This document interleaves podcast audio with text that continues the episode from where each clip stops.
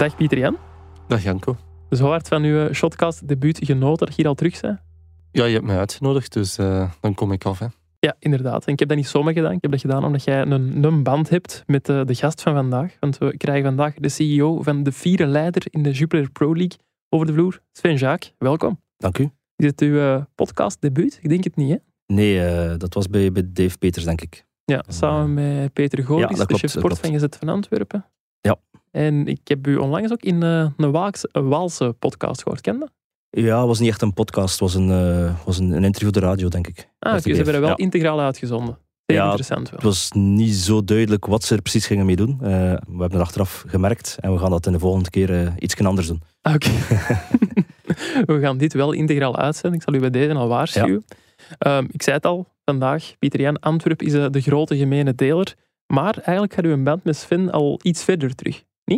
Ja, we kennen elkaar wel al een paar jaar, maar toevallig vroeg jij of er iets gemeenschappelijk is. Uh -huh, ja, ja. En Sven en ik zijn op dezelfde locatie getrouwd. Maar niet op, niet op dezelfde moment. Nee, nee, nee. nee, nee, nee. Misschien zeer duidelijk maken direct. Dat was Vertel toevallig, meer. ja. Er was een, uh, een tasting van de cateraar. En plots zag ik Sven daar staan.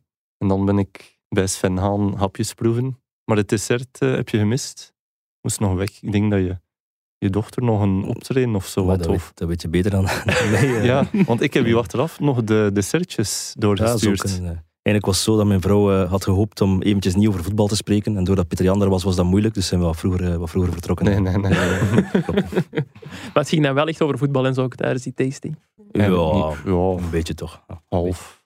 Jij was toen nog aan het werk voor het laatste nieuws en Ja. Anderlecht aan het volgen waarschijnlijk dan. En jij Antwerp al groot aan het maken, Sven. Rood aan het maken. dus, uh, het, is, het is al zeven seizoenen. Op zich uh, vergeet je wel heel snel uh, hoe lang en van waar we komen. Dat was in een quadrogebouw met de voeten in de modder, letterlijk. Dus ja, het is wel een, een tijdje geleden al. Ja, daar gaan we het zeker nog heel veel over hebben, over de Antwerp. Eerst nog iets anders, Sven. Mensen mogen dat weten. We hebben voor de aflevering ook al kort contact gehad. Er zijn bepaalde dingen waar je iets minder over kunt zeggen, door bepaalde taken of omstandigheden. Maar je hebt wel beloofd om zo open en transparant mogelijk te zijn. Mm. Om uh, u te helpen heb ik ook iets meegebracht en dat is mijn cliché-zoomer. Dus elke keer dat Pieter Jan of ik het gevoel krijgen van ja Sven, nu zit je toch een beetje rond de, de hete brei aan het draaien of zo, gaan wij op onze zoomer uh, drukken. Ik hoop dat dat niet te vaak nodig zal zijn, maar Ja. bij deze zijt je dus uh, gewaarschuwd. Iedereen mee? En Pieter Jan kan ook drukken. Die kan zijn hand opsteken en dan zal Ah, ik voor hem drukken, want anders moeten we hier met gsm's beginnen gooien en zo. Nee, dat zou ook perfect. zonde zijn. Goed, iedereen mee? Ja. Dan stel ik voor uh, dat we erin vliegen. Trouwe luisteraars van Shotcast die weten waar we in specials normaal gezien mee beginnen. Pieter Jan? Eh, de Wikipedia-pagina. ik heb het... Een zeer trouwe luisteraar. Ja. inderdaad, met de Wikipedia-pagina van onze gast. Alleen zitten we daar vandaag met een, een vrij klein groot probleem. En dat is, Sven Jaak moet zo ongeveer de eerste gast in de geschiedenis van Shotcast zijn die geen Wikipedia-pagina heeft. Ja. Wist je dat zelf ook al? Ze hebben mij dat ook al gezegd, ja. Ah, Eh, oké. Maar dat stoort u niet of zo? Nee, nee, nee. Dat is iets dat moet aangemaakt worden eh, door, door derden. Dus eh, als je dat echt wil, dan kon dat gebeurd zijn, uiteraard. hè. Ah, kan wel, het ook zelf. Ja. Als je echt wil, denk ik. Eh, het hoeft niet Ja. per se door derden. eh. nee, dat is niet, eh, niet mijn ambitie om zelf mijn Wikipedia-pagina aan te maken. hè. Nee, dat, dat zie je ook. Maar ik zal ik mij oproepen als vrijwilliger en straks een pagina voor u, voor u aanmaken. Voilà. Maar vertel misschien eerst zelf, wat moet daar zeker op staan? Wat moeten de mensen over eh, Sven Jaak weten? Goh, eh, sport beheersen wat mijn, mijn hele leven. eh, sport en eh, meer specifiek voetbal. Mhm. Eh, van jongs af aan, denk ik, een jaar of zes bij Oudenburg begonnen. Dus dat er nog duiveltjes, denk ik. Ik heb daar nog Eh, gespeeld. Ik heb daar nog gespeeld. Op Oudenburg. Ah, op Ja, Oudenburg, op bij. Oudenburg, ja. Ja. oké. Op bezoek, ja. Ja, ik dus ook. Ja. een jaar, eh, jaar of vier, denk ik, eh, om dan eh, naar Brugge te verhuizen. Ehm, en eh, ja, later eigenlijk ook, ik heb een licentie, licentie gestudeerd aan de Universiteit van Gent. Ehm, dus dat was iets breder dan, dan alleen voetbal, maar dat wel in, combineren met, of in combinatie met eh, voetbal bij Cercle Brugge. Eh, daarna Eernegem, maar dan eigenlijk blijven doorgaan naar eh WFA-coach, opleiding, eh, jeugdcoach geworden, ehm, hoofdopleiding, combinatie met, met onderwijs, om dan eigenlijk vrij snel quasi fulltime in het voetbal te stappen, Ja. op vrij jonge leeftijd. Een combinatie van hoofdopleiding Cercle Brugge met topsportschool in Brugge, dus een van de vijf topsportscholen in Vlaanderen. En ik denk dan 2009 uiteindelijk fulltime op clubniveau. Dus Eerst bij Cercle Brugge, daarna een korte pauze en bij Antwerpen terechtgekomen in 2016 ja, dat klopt, dat klopt, dat klopt. Een klein, klein jaar niet in de voetbal gewerkt en al de rest eigenlijk sinds ja, 2009 alleen maar voetbal. Ja, oké. Over die dingen die er voor Antwerpen allemaal zijn gebeurd, daar gaan we het straks zeker nog over hebben. Maar ja, na zo'n straffe reeks, 27 op 27, kunnen we moeilijk anders dan eh, beginnen met The Great Old, met Antwerpen. Had je het eigenlijk zelf verwacht, Vin? Zo'n zo'n goede start? Ah, je kan dat niet verwachten. Uiteraard wil je, wil je elke wedstrijd, hè, dat zijn de clichés, ik kan al eh, doen, elke wedstrijd winnen. zoomer er al bij sowieso. pakken. Hè? Eh, iedereen wil dat. Ehm, ja, 27 op 27 is uniek. Mhm. het zijn er niet zoveel die dat voor, on- voor ons gedaan hebben. Ehm, met, met toch wel een klein beetje wrange, wrange bijsmaak dat we in Europa er niet, niet door zijn. Ik denk dat, dat de hele club wel had kunnen leven met wat punten minder in de competitie en, en toch de kwalificatie voor de groepsfase van, van de Conference League. Ehm, maar los daarvan, waar dat we eigenlijk ook een mooi parcours reden, vijf sterke wedstrijden. Eh, niet allemaal goede, maar, maar sterke, Nee, nee, mature wedstrijden. En eh, ja, dan word je op je waarde geklopt eigenlijk, die, die donderdagavond, die laatste wedstrijd, dat is zo. Ehm, als je dan kijkt naar de competitie, hoe we daar reageren, ervoor, tijdens en erna, Ja. dat is gewoon zeer knap. We hebben af en toe zeer goed voetbal getoond. Mhm. Ehm, we hebben vooral heel veel ervaring en maturiteit getoond. En waar, we, waar we vorig jaar de boot in gingen of dan toch nog eh, een- maar een puntje konden halen, die, die, die hebben we nu gewoon gewonnen. En dat is, dat is fantastisch. Anderzijds, ja, je zit met dat play-off systeem. Ja. Ehm, we hebben vorig jaar gezien met Union het aantal punten dat zij voor hadden. Je, je- weet dat dat gedeeld wordt door twee. Dus eh, de weg is gigantisch lang. Eh, alleen is het beter met 27 op 27 te starten dan, eh, dan met 9 of 10 uiteraard. Ja, je spreekt over die maturiteit die er nu in de groep zit. Is er een groot verschil met vorig seizoen? Kan dat de hand van de nieuwe trainer al zijn? Ja, zeker. Eh, dat is de, de trainer, hoe hij eh, zijn groep toespreekt, eh, wat hij vraagt van hen, manier van voetballen. Ehm, sowieso ook toevoeging van nieuwe spelers. Oké, in de beginfase was het enkel Toby die, die speelde van de nieuwe spelers. Maar goed, Ja. qua maturiteit en ervaring zegt dat al heel wat. Mhm. En dan ook een aantal spelers, al- zoals een Yusuf bijvoorbeeld, maar ook Sam Vines en, en Jelle Bataille. Allee, Ik vergeet er nog een paar, denk ik. Die gewoon een jaar ouder zijn en eh, die kunnen wennen zijn of kunnen wennen hebben aan, aan Antwerpen, aan de manier van spelen, aan het publiek, aan, eh, aan wat er verwacht wordt. En die dat gewoon een stuk beter doen dan vorig jaar. Mark van Bommel, dat is die nieuwe trainer. Hoe, Ja. hoe, hoe, kent je die eigenlijk persoonlijk al? Naast het veld. Ah, dat is moeilijk. eh, we werken nu een aantal maanden samen. Om te zeggen dat je elkaar persoonlijk zeer goed kent, eh, dat, dat kan niet. Eh, sowieso werk je ook in de voetbal, je houdt wat afstand. Ja. Ehm, dus je, je komt niet direct bij elkaar thuis of, eh, of niet direct samen met de vrouwen iets gaan eten. Dat, dat, Nee. dat doe je niet uiteraard, ook niet in, in de werkrelatie. Alleen, het is wel, de Nederlanders zijn veel opener en, en, en betrekken veel meer mensen erbij dan dat, dat de Denen dat vorig jaar deden. Dus Ja, iedereen, is dat zo? Is er een ja, sowieso. Het is, het is een veel opener communicatie. Er wordt over veel meer gepraat, overlegd. Ehm, dus eh, dat zorgt voor een, voor een zeer open en transpa- transparante sfeer. Zeker nu, omdat het goed gaat, uiteraard. Ja, dat helpt Dus, wel eh, natuurlijk. Dat helpt, helpt altijd mee. Ze lopen zeer makkelijk je bureau binnen, hè. de Nederlanders. Ja, en ze staan ook open en ze verwachten eigenlijk ook dat je, dat je naar hen gaat. Eh, Ja. Dus het is niet, eh, niet de bedoeling om, eh, om in uw bureau te blijven en, en af en toe eens te bellen. Eh, er, moet, er moet menselijk contact zijn. Ja, En- En dat is er gewoon ook heel veel. En eh, wist je al dat Mark van Bommel een grote dierenvriend was? Ik heb daar iets van vernomen. Hè. Een, een hond ook, dacht ik. Hè. Ja, klopt. Dat heeft eh, Pieter Jan vorige keer dat hij me op bezoek was in Shotcast verteld dat Mark van Bommel eh, een hond heeft, maar hij wist toen niet wat de naam van die hond was. Pieter Jan wist dat niet. Mark van Bommel wel, hoop ik. Pieter Jan weet ondertussen wel hoe de hond van, eh, van Eh, Bommel heet. uitgepluist. Uitgepluist, goede woordkeuze. eh, Ibra. Ibra, en Ja. genoemd naar... Ja, eh, een keuze van de vrouw van Mark. ah, Die dat dan- wel grappig vond. Maar blijkbaar vond Ibrahimovic het zelf niet zo leuk. Tot hij een foto kreeg van Ibra. Dan vond hij het wel oké. Ah, Oké, dus omdat het een mooie hond is, eh, vindt hij het wel oké. Ja, ik weet niet of dat hij het zo geïnterpreteerd heeft. Maar uiteindelijk toen hij een foto zag, had hij er vrede mee. Oké, en hoe gaat het ondertussen met Betty, uw viervoeter? Want op, op de redactie is er wel wat kritiek geweest op het uiterlijk van Ja, Betty, wat dat wij jammer vonden allemaal, maar... Dat is een prachtbeest, hè. En heeft ze dat kunnen verwerken? Ja, ik zelf iets minder natuurlijk. Maar eh, ja, Betty, top. Alles goed. Oké, top. Genoeg over honden. Terug eh, naar Antwerpen en Mark van Bommel. Sven, hoe zijn jullie eigenlijk bij Van Bommel terechtgekomen? Hoe gaat, hoe gaat dat in zijn werk? Stuurt Van Bommel dan zelf een berichtje naar Mark Overmars van hey, ik zie dat jullie een trainer zoeken, ik ben vrij? Of hoe, hoe moet ik dat juist zien? Nee, wat tussen, tussen Mark en Mark is er altijd wel contact gebleven. Eh, ze hadden ervoor nog nooit samengewerkt. Uiteraard wel samen gespeeld en tegen elkaar gespeeld. Ja. Ehm, dus er was sowieso heel veel respect. En eh, als ik het goed begrepen had, was er ook wel ooit eens uitgewisseld van... Moest het ooit mogelijk zijn, dan, eh, dan willen we wel eens samenwerken. Mhm. Ehm, en oké, als er dan een, een nieuwe trainer moet gezocht worden, dan was het duidelijk dat eh, Mark Overmars de, de longlist en de shortlist klaar had. Eh, en dat Mark daar ook bovenaan stond. En ja, dan is, dat is heel, snel, eh, heel snel contact gelegd, uiteraard. Ja. Wie stond er dan op die shortlist? Goh, eh, dat gaan we nu niet zeggen. Dat is geen cliché-antwoord. Nee. Dat is gewoon heel duidelijk. Nee. ja, nee, Oké. dat, is- dat, dat heeft geen zin om, eh, om over andere, andere opties te spreken. hè. Maar het Nee. was wel een topkandidaat toch direct. Hè? Jullie hadden wel vrij snel een goed gevoel. Ja, ja uit- uiteraard.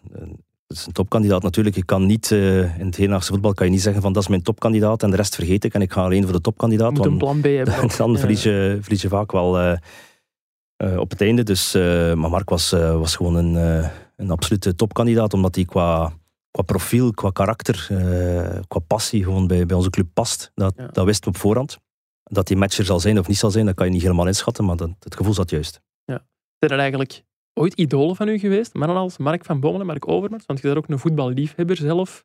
En speelde die voor, voor, voor ploegen waar jij heel veel sympathie voor had of zo vroeger? Wel, ik, ik was zelf ook een, eh, een nummer 10 of flankspeler, dus ik had eh, zeker voor eh, spelers zoals Mark Overmars heel, veel, heel veel ontzag. Ehm, ik was niet dat type dat, dat fan was van. En, eh, die, die, ik had wel wat posters op mijn kamer, maar dat waren meer van, van ploegen. eh, Zoals welke ploegen? Misschien? ja, vooral een nationale ploeg bijvoorbeeld. Ik Ah, was niet, niet zozeer eh, gericht naar, naar één ploeg. Eh, dan later, uiteraard, heb ik twintig jaar onafgebroken bij Cercle Brugge gespeeld Mm. ga je dat eh, wat nauwer volgen, uiteraard. Ehm, maar eh, ik was niet degene van die of die is mijn. eh, ik vond, ik heb trouwens ooit eens als klein manneke, toen ik bij, ik weet niet meer bij wie dat ik speelde, ehm, een, een interview moest geven na Oostende. En die man vroeg van, ja, maar van wie ben je fan? Zeg, zeg een naam. Allee, zeg iets dat ik toch iets kan doen. en dan zei ik van ah, Del Piero. En dat was de kop van het artikel, fan van Del Piero. Dus Ah, ja, sindsdien dat ik ja, journalisten wel dan- dat is typisch, eh, Ja. ja, typisch antwoorden. Oké. Zeg, die komst van Overmars, heeft die eigenlijk uw, uw job persoonlijk hard veranderd? Heb jij nu, nu minder werk, om het, om het zo te zeggen? je moet het een klein beetje anders kaderen. Eh. De vier jaar ervoor had ik eigenlijk altijd met, eh met Luciano D'Onofrio samengewerkt. Ja. Ehm, ja, een tandem gevormd. En je, je kent Luciano. Luciano is niet de man eh, die, die achter een pc gaat zitten. Eh, hij heeft geen pc. En daar wou ik straks Eh, zeker nog over praten, dus, over goed. Ehm, het meer van de telefoons en het gesprek. En, Ja. en de rest was steeds meer voor mij. Tot op het moment dat Luciano wegviel. Dan heb ik er eigenlijk een, een, een klein jaar alleen gedaan. En dat is gewoon niet, is gewoon niet te doen. Vooral omdat we dan na het vertrek van Luciano iets moderner zijn beginnen werken, een scouting geïnstalleerd. Eh Joachim Verkenning kwam erbij in september, eh, mensen kwamen, eh, dat was gewoon niet op te volgen. Dus we waren zeer actief op zoek naar een sportief directeur die die taken kon overnemen en die daarnaast ook wat, wat body had en wat naam had om, eh, eh, om mede druk op Antwerpen te dragen. Hè. Want er is Ja. wel wat, wat druk en wat sfeer er rond. En ja, dan, dan komt dat. Dat is niet iets wat je in, in, in een in een plan schrijft, Nee. dan gebeurt dat. En dan, dan was ik uiteraard zeer, zeer tevreden dat Mark kwam.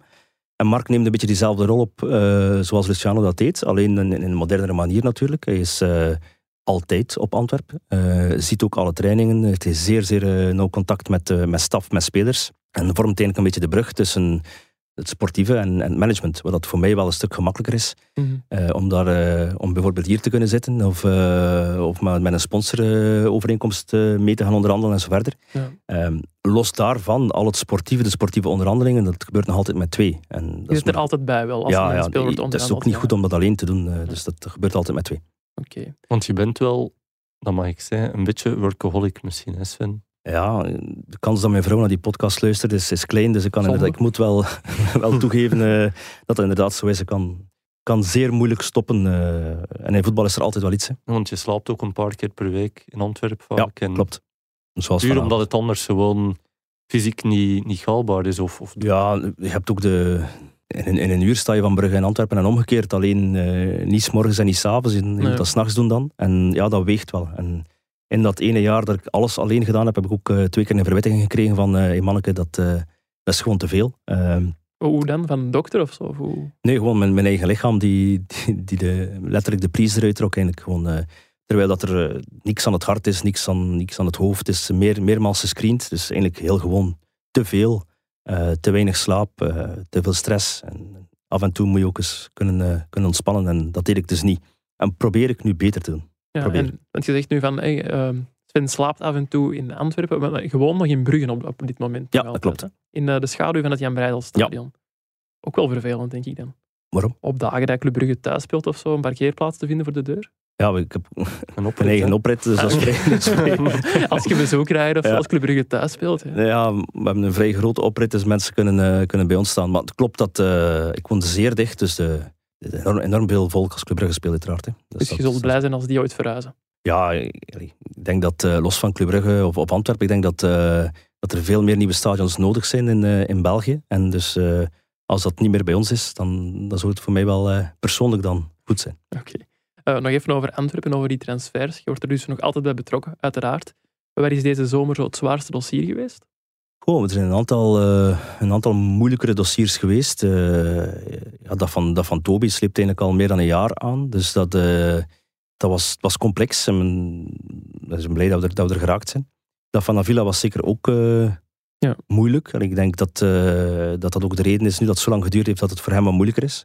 Als hij had kunnen in het begin van de voorbereiding aansluiten en, en direct wat wennen zonder dat hij druk direct was van wedstrijden, het veel beter zou zijn. Ja, Boca Juniors is, is geen, geen simpele club. Op welk vlak dan? Hoe, hoe uitziet Ja, dat? organisatorisch eh, me- kan je met de juiste mensen spreken. Spreek je wel met de juiste mensen? Eh, is een ja een ja, is een nee een nee? Dat is een beetje, eh, zeker met, eh, met Zuid-Amerikaanse landen, altijd afwachten. Dus eh, we zijn er geraakt. Alleen is het jammer voor de jongen dat eh, dat het zo laat was. Hè. Dus, Ja. Ik heb, allee, er wordt wel veel van verwacht van die Avila, heb ik de indruk. Pieter Jan was er ook vrij positief over in onze voorbeschouwing. Of was dat over Pacho? Over Pacho. Ah, was over Pacho, een andere over Valencia. Over Valencia. Van Valencia werd er ook wel veel verwacht. Maar die Avila is wel gehaald met zekere adelbrieven toch ook. Hè.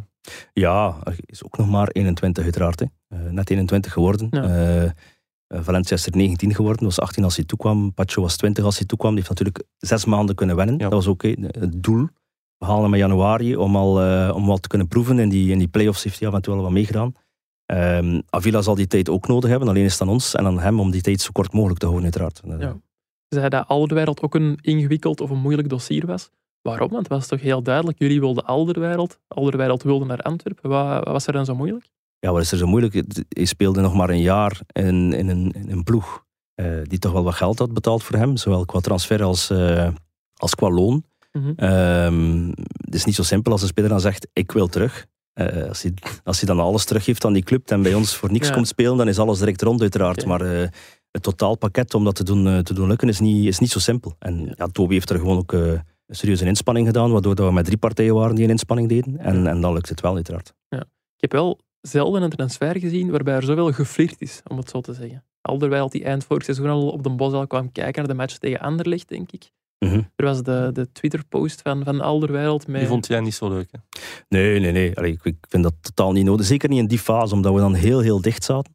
Ja. Eh, en dat ik al geleerd heb, ehm, als je dan begint uit te lokken of, of te ver gaat, eh, dat die partij soms nog kan van gedacht veranderen. Of, eh, maar goed, dat is niet gebeurd. Toby wilde zo graag, zijn familie wilde zo graag. Hij, wou, hij wou terug naar Antwerpen.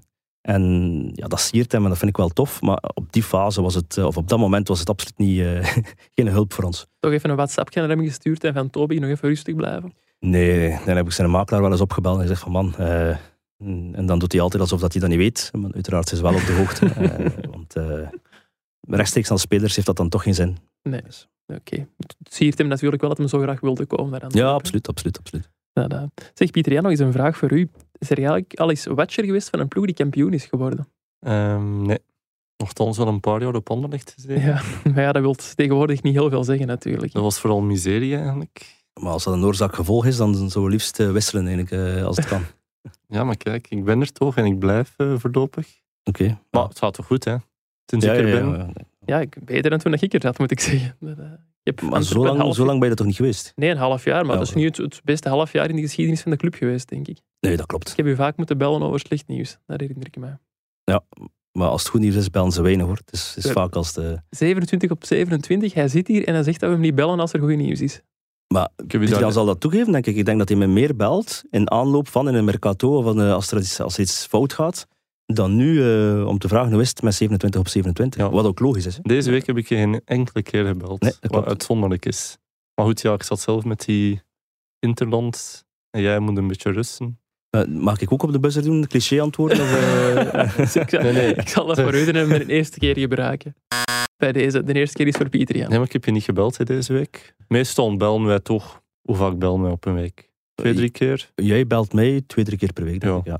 Is dat, is dat meer dan andere journalisten? Mag je dat vragen? Eh, Dat wij onze collega's ook een beetje leren kennen. Hè? Ja. ja, dat is bij de meeste. Ehm, vind wel, eh, voor mij is het belangrijk dat, ik- dat ik een band heb met, met mensen. Eh, als, Met eh, mensen of met journalisten? Maar algemeen. Of dat dan nu ja, een makelaar is of een journalist of, eh, of, of, of, of een, club, eh, een clubmedewerker of collega. Je, je kan niet zomaar je telefoon nemen en bellen van zeggen ik wil dat hier weten, hoe zit Nee, het nee. man? Eh, ik vind dat je moet elkaar kennen op voorhand, je moet elkaar kunnen vertrouwen. En eh, dat is een beetje geven en nemen. Hè. Bedoel, Ja, daar is het wel het voordeel. Maar ik heb dat de vorige keer ook gezegd. Ik draai nu tien jaar mee. Ik denk dat ik u in het verleden ook wel al een paar keer gebeld heb, Sven. Omdat Oh. je wel weet van oké, niet alles wat ik zeg komt per se in de krant. Of de nuances worden goed gelegd. Of... nee, maar als, Allee, er moet een correcte of er moet respect zijn van beide kanten. als ik weet dat, Sven dat heel vaak zonder dat ik er iets mee doe. als alles dat, wat gezegd wordt in de krant komt, dan gaan we niet veel zeggen. Hè. Dat heeft Nee. weinig zin. En, eh, maar goed, de meeste journalisten die weten ook van niet alles kan geschreven worden. Dus, eh, of, of nu niet direct. Dus Nee. dan, dan is dat geen probleem. Eh, en als dat vertrouwen wel wordt geschaad, ja, dan, dan duurt dat een Dan tijdje. stopt het ook snel natuurlijk. Ja, dan daar win je niet veel mee hè, Nee. als journalist. Nee, nee, als u, als u bronnen opdrogen, om het zo te zeggen, of zo, dan gaat dat niet meer ver komen. Voor mij was Antwerp vorig seizoen de eerste club die ik volgde. Dus Sven was een van de eerste sportief directeurs of, of CEO's die ik zo vaak moest bellen. Ik had wel het gevoel dat jij heel bereikbaar werd altijd. Is er iets waarin je zelf ook geëvolueerd bent? Had jij in je periode bij Cercle Brugge ook al? Of zou je daarin moeten groeien ook? Ja, ik, ik ben vrij bereikbaar in die zin dat, eh, dat ik wel zal opnemen. Mhm. Ehm, ik denk niet dat ik eh, vrij bereikbaar ben, eh, ben om info te geven. Of toch niet aan veel. Nee. Ik denk dat er veel meer mensen, veel meer collega's minder opnemen, maar uiteindelijk meer zeggen. Of actief zelf gaan bellen als ze willen dat iets in een krant komt of iets Ja. net niet komt. Ja, dat is waar. Ik, ik, bel, ik bel zelden zelf een journalist op. Of er moet echt een probleem zijn. Ja. Ehm, moet een fout in de krant hebben gestaan of iets waar je het echt niet mee eens bent of zo. Goh, zelfs dat, want die, die krant daar kun, je- kun je zo weinig volgen. eh, dat, eh, maar eh, als het is om, om een speler te beschermen of een trainer te beschermen, dan kan ik wel eens een telefoon nemen en zeggen van, hey, wa- waarom is, is dat nu nodig? Ja. of dat, dat klopt helemaal niet. Ehm, ik probeer wel beleefd te zijn als zij mij bellen om op te nemen. Mhm. Als het is om gratuit info te krijgen, dan is die telefoon rap dicht. Mhm. het, was, het was iemand van, van de concurrentie eh, die zich nog nooit had mij voor, had voorgesteld en die in de Mercato plotseling belt. eh, van zeg, is het waar? Eh, ik denk dat het met Stengs was. Stengs onderweg. Ja, dan leg ik ook de, gewoon de telefoon toe. Ik bedoel, kom je zelf voorstellen, ik ben diegene, ik werk voor die krant, ik word Antwerp-watcher of niet, of ik, ik, ik Ja. vervang iemand. Dus als dat de vertrouwen en de respect er is, geen probleem om op te nemen. Maar ook geen, geen twintig keer per, per week uiteraard. hè. Drie keer per week is genoeg. Dus ja, maar dat is wel wel veel. maximum, denk ik. Ja, dat is, wel, dat is wel veel eigenlijk. Als je daar zo over nadenkt. eh, ja. toch wel. Nee, maar wat ik apprecieer als fan is, maar dat is in Belgisch voetbal op zich wel best oké in het algemeen, Mhm. is je gaat nooit liegen als ik je iets voorleg. Als ik gehoord heb, X of Y is gebeurd, of speler X is op komst, dat je wel zeggen hoe dat zit, zonder, allee, dan, dan praten we erover dat we het kunnen doen, of wat dan ook, maar ja, niet liegen. Hè, Nee, dat, heeft geen zin. Nee. Ik denk dat vroeger wel probeerde, als, als jonge gast probeerde dat dan meer rond te draaien. Van, tjoe, hoe weten ze dat nu? En, eh, maar uiteindelijk, eh, als je het zelf gevonden hebt, heb je het zelf gevonden. En als ik, als ik u zie bellen, op een moment dat ik niks wil of kan zeggen, dan neem ik gewoon niet op. Hè. Ah, ja. Is We weten ondertussen ook wel, als, als iets begint te lekken, dan, komen, dan zijn niet, jullie niet de enige die bellen, uiteraard. Hè. En kunt je eens uitleggen voor, voor ja, echte leken, voor de luisteraars, van waarom is dat zo vervelend als uitlekt van ah ja, Antwerp is geïnteresseerd in Calvin Stengs of Calvin Stengs is onderweg naar Antwerpen. Ja, als, als het gaat om iets wat waar is, Ja. eh, dan, dan is dat gewoon vaak omdat je in onderhandeling bent, in gesprekken bent, met speler, met club, eh, of met een van de twee. Je hebt er een akkoord met een van de twee en een ander nog niet. Dat bemoeilijkt gewoon de gesprekken. Ja. Dat is heel simpel. Daar komen ook andere ploegen tussen, of dat wordt er, eh, dan heb je die of die wordt daar gezien bij ons en is dat al zover en of heeft al getekend. En dat bemoeilijkt gewoon, erg is dat niet, maar dat, dat maakt het moeilijker. Eh, Ja. Als het gaat om, om, om leugens, allee, ik, ik, ik noem dat dan leugens. Ik, ik denk dat jullie dat dan zien als gewoon een fout geïnformeerd. Eh, Zou maar niet mogen. Ah, ja, alles zou gedubbelcheckt moeten worden, dus in principe zou dat niet ja, dubbelchecken bij wie uiteraard. Je, weet dat er in, in voetbal een groot, grote groep makelaars zitten die, die vaak belang hebben om, om, om wel of niet iets in, eh, in de krant te zien verschijnen. Dus dat, dat zorgt voor een sfeer. En als je dan bijvoorbeeld tevreden bent met je middenveld en er worden drie, vier middenvelders aan uh, constant aan Antwerp gelinkt, dan moet je telkens opnieuw gaan uitleggen van nee, nee, gast, we zijn tevreden. Je kunt ook niet zeggen, we bekijken geen middenvelders, want er wordt iemand verkocht of je hebt de blessure, je moet wel nog altijd voorbereid zijn. Ja. Uh, dus uh, ik vind die jacht op transfers zo overroepen. ik weet dat, dat supporters en lezers Lezen dat graag... wel natuurlijk, ja. Maar uh, ja, nieuwe transfer, nieuwe transfer. Ja, iedereen is ooit een nieuwe transfer. Uh, dus en, en, zes maanden later ben je geen nieuwe transfer meer en ja, je opnieuw op die, op die nieuwe namen. Dus ik denk de sterkte van, van die 27 op 27 is de basis van vorig jaar. Uh, aangevuld met hier en daar iets. En het probleem vorig jaar was dat we daar 27 spelers moeten gaan aanzien. Ja, het was echt een heel nieuwe ploeg en een nieuwe coach. En, en nieuwe alles. En dat, dat is gewoon te veel. Dus om, om te wennen en direct resultaat te nemen is, is heel moeilijk. Maar het is toch een utopie om te denken, ik denk dat altijd, dat dingen geheim kunnen blijven. Maar Want uiteindelijk moeten ook geen geheim blijven, maar dat constant die jacht naar uh, een naam, een scoop, mm -hmm. maar dan niet wie is die gast, waar gaat hij spelen, wat is zijn achtergrond. Uh, gewoon de jacht naar puur die naam. Voor mij is dat ridicuul, maar goed, ik snap bij jullie, jullie job. Ja, maar ik dat, snap uh, het. Maar ik denk dat het op zich nog meevalt in België, toch? Ja, ja. Het is hier geen Italië of Nee, nee, dat daar nog tien keer erger is. Ja, Als ik absoluut, absoluut. hoor van sommige makelaars dat ze zelfs bedreigd worden door journalisten en zo. Dat heb ik zelf nog nooit gedaan. Ik denk Pieter Jan ook niet. Zal hoogstens Betty's op eh, iemand afsturen. Nee, een, ik een kan lief me ook niet beestje. ik. herinneren dat ik je bedreigd heb. Ehm, vind jij dat het, het leukste deel aan het job, Pieter Jan? Dat, dat jagen op transfers? Ik vind het leukst... eh, nee, het jagen op transfers niet per se. Gewoon primeurs zijn wel leuk. Ja, maar dat moet niet per se over transfers gaan. Dat kan ook over totaal andere zaken gaan. Ja, dat kan over eh, van alles gaan. Maar goed, transfers zijn op zich de, de makkelijkst meetbare primeurs. Oké, dat snap ik. Maar ook dat is tegenwoordig met internet en zo, het is een beetje relatief. Eh, ik heb soms het idee dat andere media gewoon klakkeloos overpennen, eh, omdat ze weten dat je uiteindelijk wel goed geïnformeerd bent. Mhm. Dat maakt het wel relatief. Twee minuutjes later staat het op eender welke site. Ja, ik van heb dat, dat dus- ooit al horen zeggen wel, dat, dat primeurs vroeger meer waard waren. Toen dat er online nog minder te doen was. Meer waard, ja. Dan stond... eh, ik heb de primeur, Mark van Bommel wordt coach van Antwerpen, was fan een beetje irriteerde. Klopt dat, Eh, ja? Was een beetje lastig, hè. Ja, we zijn ook niet, niet dom uiteraard. We zien de lijntjes ook lopen. Dus eh, wij weten zeer goed, als iets naar buiten komt, van welke krant, van welke journalist, eh, waar dat 99% zeker de info vandaan komt. Eh, en op dat moment was, eh, vond ik dat niet echt leuk. Nee. Nee, oké, dat begrijp ik dan ook weer Maar wel. bijvoorbeeld, ik heb, wij hebben dat gelost om tien uur s'avonds. Mhm. En dertien minuten later stond het al bij alle andere media. Ja, Terwijl ik dan... Ja, het is een heel korte tijd om dat gecheckt te krijgen, dat lukt wel. Maar ik wil maar zeggen, het is, het is allemaal relatief. hè. Een kwartier. En die primeurs zijn misschien voor ons binnen de media zelf meer waard dan voor de mensen die het lezen. Ik denk ook dat er heel weinig mensen, maar ik kan dat niet inschatten. Ik heb alle push-meldingen van Sporza, van het laatste nieuws, eh, nieuwsblad, Ja, AZ van ik Antwerpen. zeggen, denk dat heel veel mensen gewoon één medium hebben en Ja. het daarmee doen. En dat is oké. Dus ja, wij zitten dan te jagen om eerst te zijn, wat we zo blijven doen, want het is onze job. Ja. Maar ik vraag me dan af of de, de lezer of de mediagebruiker er zo van wakker ligt. Ja, oké. Dat weet ik niet. Terug eh, naar de, de carrière van Sven. Ehm, die is eigenlijk echt begonnen bij Cirkel Brugge, mogen we wel zeggen. Eerst als eh, speler, daar wil ik het nog even over hebben. Heb je ooit nog gedacht dat het een doorbraak als profspeler er ging inzitten voor u? Nee, ik denk tot, eh, tot aan 17, 18 droom je daarvan. Eh, Mhm. Maar dan is die cruciale fase waar je voelt dat je, dat je niet meegenomen wordt in.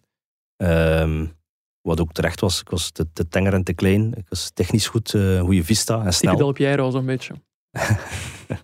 Nee, maar iets meer op de flank eigenlijk. eh, dus eh, rechts of links eh, flank, twee goede voeten. Ehm, maar ehm, ook, niet, ook niet dat wat ik heb in mijn job nu, dat echt doorzettingsvermogen om alles aan te doen om het te worden, dat had ik niet. Ik, ik genoot ook van het leven. Ik word 18, eh, ik ging studeren in Gent. Ehm, Pintjes drinken. Ja, maar waar ik ook twee jaar gecombineerd heb eh, met mijn voetbal bij Cercle Brugge, mijn eerste twee kandidaturen. Hm. En ik denk dat dat mij ook gered heeft op, eh, op schoolsniveau. Eh, door gewoon in een structuur te zitten, vier of vijf keer te moeten trainen in een week, Ja. dat je niet kan. allee, ik heb een leuke tijd gehad in Gent. Maar uh, de eerste twee jaren waren uh, niks in vergelijking met de laatste twee. Daar hebben we wat meer, uh, wat meer gevierd.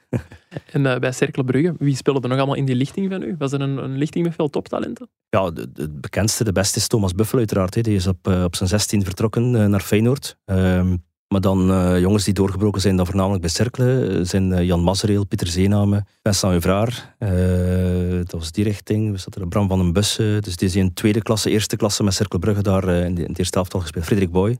Ah, ja. ja, ik vergeet er nog hoor. Maar Peter ja. Verbeke. Peter Verbeke, doorgebroken bij Anderlecht uiteindelijk. ja, voilà. Op, ook op een andere positie. Ja. Maar, Wie was de betere voetballer, jij of Peter? Eerlijk zijn, eens vinden. Ik pak met een zoomer erbij. Poeh, weet je, Peter heeft maar een jaar bij ons gespeeld. Ah, oké. Uh, dus ik speelde er al van, ik denk, mijn 13 of zo. Ja. En dan Peter erbij gekomen was op 16. Uh, dus ik had er over laatst met Frederik Boy nog over als we op cirkel uh, speelden. We herinneren ons niet zo goed Peter meer. Ik weet dat dat een, een vinnig rap manneke op de flank was ook. Ook op de flank, concurrent van u eh, eigenlijk. Maar die is na één seizoen al vertrokken naar Roeslaren. Ja. Dus... ja, zoals hij zichzelf omschrijft als voetballer, want ik ken Peter ook heel goed lijkt het een beetje op de omschrijving die jij jezelf heeft. Ja, ik denk dat we, dat we gelijk... Eh, ja. Peter Qua was... postuur zijn jullie nu vrij gelijkaardig, toch? Ja, we zijn al twee niet groot, maar ik denk dat Peter wat steviger is. Uh, ik denk uh, dat ik wat betere voeten had en, en Peter wat, wat steviger. Dus, uh, maar Peter kennende nu zal ik zeggen dat ik de betere voetballer was, sowieso. dat is mooi. Um, je hebt nu Oudenburg genoemd als ex-club. Je hebt Cercle Brugge genoemd. Klopt het dat je ooit even voor Club Brugge hebt gespeeld? Ook? Ja, dat klopt. En, Na Oudenburg zijn we eigenlijk uh, met drie, denk ik, of met vier. In eerste instantie met drie. Uh, dan nog een vriend, jongen die erbij gekomen is, uh, naar Club Brugge gegaan. Dus okay. pff, niet dat mijn ouders daar vreemd mee bezig waren. Mijn ouders volgden mij op voetbalvlak, maar niet push-push, je moet dit of je moet dat. Nee, okay. Maar puur praktisch was dat eigenlijk een no-brainer. was KVO Stende, Cercle Brugge of, of Club Brugge. Uh, ja, die twee andere jongens gaan naar Club Brugge, dus ze, zijn, ze wonen ook in Oudenburg. Dus qua vervoer was dat fantastisch. Dat was elke één keer rijden en opa ging, uh, ging op zaterdag, dus dat was, was gelukt. Uh, maar ik heb in het eerste jaar mijn arm gebroken en dat was een, een probleem met verzekering, weet ik nog. Die mensen zijn allemaal niet meer op Club Brugge uiteraard. En mijn pa zei na het tweede jaar, dit, dit gaan we hier niet meer doen. Dus kies maar, het is Cirkel of, of Oostende. Uiteraard, ik ging naar Brugge naar school. Ik kende de, de jongens van Cirkel ook, want Club en Cirkel die, ja, wonen naast elkaar, letterlijk. Ja. Uh, dus dan uh, ben ik in dat verhaal cirkel gestapt, waar ik twintig jaar, uh, jaar gebleven ben. Ja, en dan na uw carrière als speler, die dan gestopt is rond uw twintigste ongeveer bij Cirkel? Bij Cirkel 20, ja. Dan, dan, heb ik nog twee jaar Erdegem en twee jaar Jabbeke gespeeld. Ja, en dan daarna wel direct coach geworden bij Cirkel Brugge? Of eerst bij ja, eigenlijk nog in mijn studies. ik denk zelfs, ja, ik speelde toen bij Erdegem en dan ben ik onmiddellijk coach geworden. Eerst was dat was, was stages doen en dan denk ik U12, U11, die leeftijden begon. Ja. Ah, Oké, jij bent ook coach van een jeugdploeg, als ik me niet vergis, Pieter Jan? Ja. Wat is daar zo leuk aan? Um, ja, je krijgt er wel veel voldoening van. En ik ben ook gewoon, ik ben zo'n type, ik zie een bal liggen en ik trap er tegen. En zo anderhalf uur met die kleine mannetjes. Staan kijken, dat, dat gaat niet. Ja, ik, nee, ik doe gewoon mee en ik vind dat, ja, ik voetbal nog altijd graag. En welke leeftijd is dat dan? Uh, 12, U13. Ja. Is dat iets dat u ook nog altijd bezighoudt, Sven? Die jeugd bij Antwerpen? Is daar nu nog tijd voor om eens naar training van de jeugd te gaan kijken? En zo? Nee, om, om naar training en wedstrijden te gaan kijken is er, uh, is er geen tijd meer het houdt me wel enorm bezig. Ik ben van, van opleiding, van, kom ik vanuit de jeugd. Ik heb zelf uh, een aantal jaar trainer geweest, waaronder topsporttrainer in topsportschool drie jaar. Een Engels en zo onder meer getraind, ja, ja, ja een, een, heel aantal van, van Club uiteraard. was Club Brugge, Cerkelbrugge, Roeslaar, Oostende. Uh, zoiets. Ik had dus alle Zulte-Waregem. Uh, ja, ik heb dat altijd zeer graag gedaan. En eigenlijk af en toe mis ik dan nog op het veld staan. Omdat, ja? Ja, er is niks, uh, niks mooier dan voetballen uiteraard. En het tweede, mooie, het tweede mooiste is, uh, is trainer zijn, in, in een coachingstaf zitten. is, is fantastisch. Ik heb ook het idee dat de impact op die kleine mannetjes... Want ik ben dit seizoen begonnen. En het is een groep vol leuke kinderen met nog veel progressiemarge. En ik heb het gevoel op twee maanden tijd dat ze nu echt al stappen vooruit zetten. Ja. Dat geeft wel een goed gevoel. Ja, ja ik heb het zelf ook gedaan. Ik vond het ook superleuk om te doen, vooral duidelijk. Omdat je ziet ze beter worden. En je ziet ze ook niet alleen als voetballer, maar als ik ben wel zo iemand die nog vrij veel belang hecht aan discipline, genre de arbiter in hand geven na de match en dat soort dingen. Mhm. Wat de voorbije jaren bij die ploeg niet het geval was. En dan zie je wel dat ze ook als persoon gewoon groeien. Ik vind dat wel leuk om daar een beetje een bijdrage toe te hebben. Ja, nou, dat is mooi. Bij u, Sven, toen, toen, dat u, toen dat bleek dat je geen profspeler zou worden, heb je dan meteen gedroomd van een trainerscarrière? Of wat was zo uw plan in uw hoofd op dat moment?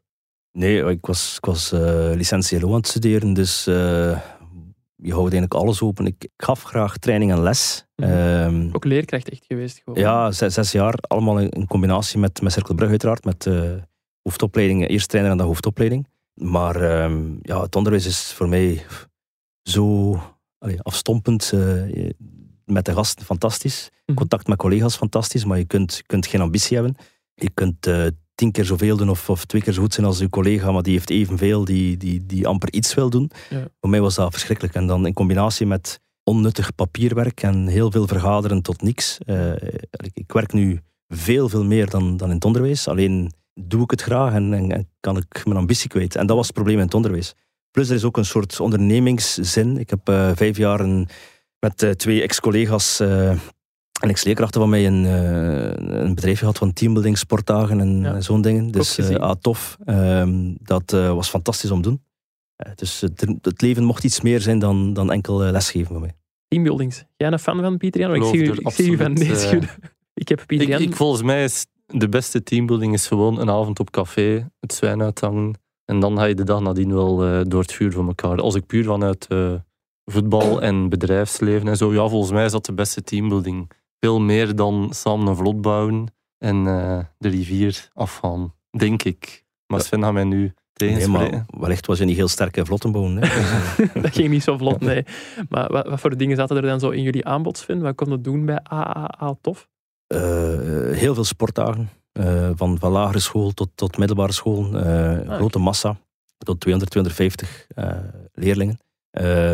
Eh, Er was ook een bierwandelingen die we gidsten in Brugge. Dat zou Dat iets wel zijn. interessant. En Dat, eh voilà, dat is ook teambuilding uiteraard. Hè. Dat een, dus er werd gehitst in Brugge, maar alleen maar de plaatsen die iets met bier te maken hadden. En dan werd er s'avonds gegeten, uiteraard in een bierrestaurant, om de Never. Dus eh, zo'n dingen zaten erin. Maar ook, eh, ik weet nog, eh, banken die bij ons kwamen, eh, personeel, teambuilding te doen. Nu, dat was allemaal naast ons een job. Hè. Dus de- met de twee collega's, die hadden ook nog een fulltime job. Ja. Ehm, ja, ik was toen 2, 23 jaar, dus eh, dan, je hebt geen kinderen, eh, je hebt heel veel tijd. En je, doet, eh, je doet alles wat op, wat op je afkomt. Hè. En je ging die dan ook zelf begeleiden in zo die wandelingen? Of? Ja, we deden alles. we deden alles, want we waren met drie. Het was niet altijd mogelijk om alle drie beschikbaar te zijn. En we hadden het principe van, het is niet één die het management doet en iemand het papierwerk en dan iemand die het geeft. We, we zijn alle drie betrokken in alles. Oké. Dus met drie man, 200 kinderen. Nee, Ja. dan hadden we externe, externe monitoren erbij ook, Ah, erbij ook uiteraard. Gelukkig. Maar wel een bierkenner dan, als je er zelf wandelingen ging begeleiden. Ja, toen, toen wel uiteraard. Eh, dat, eh, dan, dat leer je dan, hè. dat studeer je. Eh, Je leert bier drinken. eh, bier drinken, erover vertellen, dat leer je. En Ja. bier drinken, dat doe ik nog altijd graag, maar wel de, de, de traditionele, de traditionele bieren. Ja. Een, fa- een favoriet bier? Of? Een duveltje, een Ja, dat zal Lars, onze compagnon, graag horen. Dat is een Voilà. grote duvel fan. Maar ik heb u nog nooit zwaar bier zien drinken. Meestal gewoon een pintje. Je komt mij je- ook niet in de context tegen dat dat nodig is om... eh, Nee, nee, maar ja, we hebben nu toch al... nee, maar als, ja, als we iets gaan eten of, of, of, of na, de, na de wedstrijd iets drinken, zal het inderdaad eh, iets van bier zijn of zo. allee, gewoon een pintje. Maar als ik thuis kom de vrijdagavond, eh, Ja, en daar ben ik Dan- nooit uitgenodigd. eh. dan, dan kan het wel een duveltje of twee. Ja, en eerder bier dan wijn dus. Ja, eigenlijk als ik echt mag kiezen, zal ik eerder... eh, ik geniet van een goed glas wijn ook, eh, maar als ik echt mag kiezen, zal ik eh, meestal bier kiezen. Oké. Bon, voordat hier een gastronomische podcast wordt, terug naar het voetbal. Want bij Cirkel zet je, nadat je jeugdcoach bent geweest, hoofdjeugdopleidingen geworden. Ja. En daarna technisch directeur. Ja. Wanneer is het besef gekomen bij de mensen van Cirkel van ja, die Sven Jaak, dat zou wel onze technisch directeur kunnen worden? Ja, dat is natuurlijk een, een vraag voor hen. Ik denk Ja, dat die is moet stellen aan, eh aan Ivan van Damme, die toen, toen CEO was van, van Cercle Brugge. Eh, iemand die ik nog altijd zie trouwens, eh één of twee keer per jaar. Dus eh, ik, had, ik kwam eigenlijk achter Ronnie de Smet. Ronnie de Smet was mijn trainer bij de beloften. Mhm. En die, ja, vroeger was dat niet zo professioneel, die nam daar de jeugd bij. En dan ben ik bij de kleine jeugd begonnen, dan, dan doorgegroeid, assistent jeugdcoördinator heette dat toen, en dan hoofdopleiding en zo verder. En ik denk eigenlijk dat ik op dat moment als jonge gast wat naïef en ambitieus een plan had uitgetekend om, eh, om met die jeugd aan de slag te gaan en, en meer jeugdinternationals te hebben, een betere infrastructuur, we hebben onze velden verbreed. En ik denk dat die twee, drie jaar waarin dat we heel veel veranderd hebben op dat vlak, ook de, de professionele trainers, gediplomeerde trainers, eh, een, een, een opleidingsplan uitgewerkt, een scouting neergezet. En ik denk dat van daaruit, ik denk dat, dat die van Van Damme gezegd heeft van ja, als hij dat daar kan, waarom zou je dat bij ons niet kunnen? Ja. Hij zei letterlijk tegen mij, ik denk in 2011, eh, ja, eind 2011, van kijk, eh, wij hebben eh, een goede ploeg. In de boek, eh, dan Pop Peters die kwam. Ja. We waren op één punt of op doelpuntensalto play-off 1 niet gehaald. Ja. Hij zei van, ja, jij, jij kreeg de tijd om één, twee jaar dat in kaart te brengen. En dan volgend jaar is Jatschuk einde contract. Vidarsson, Eves, Cornelis en zo verder.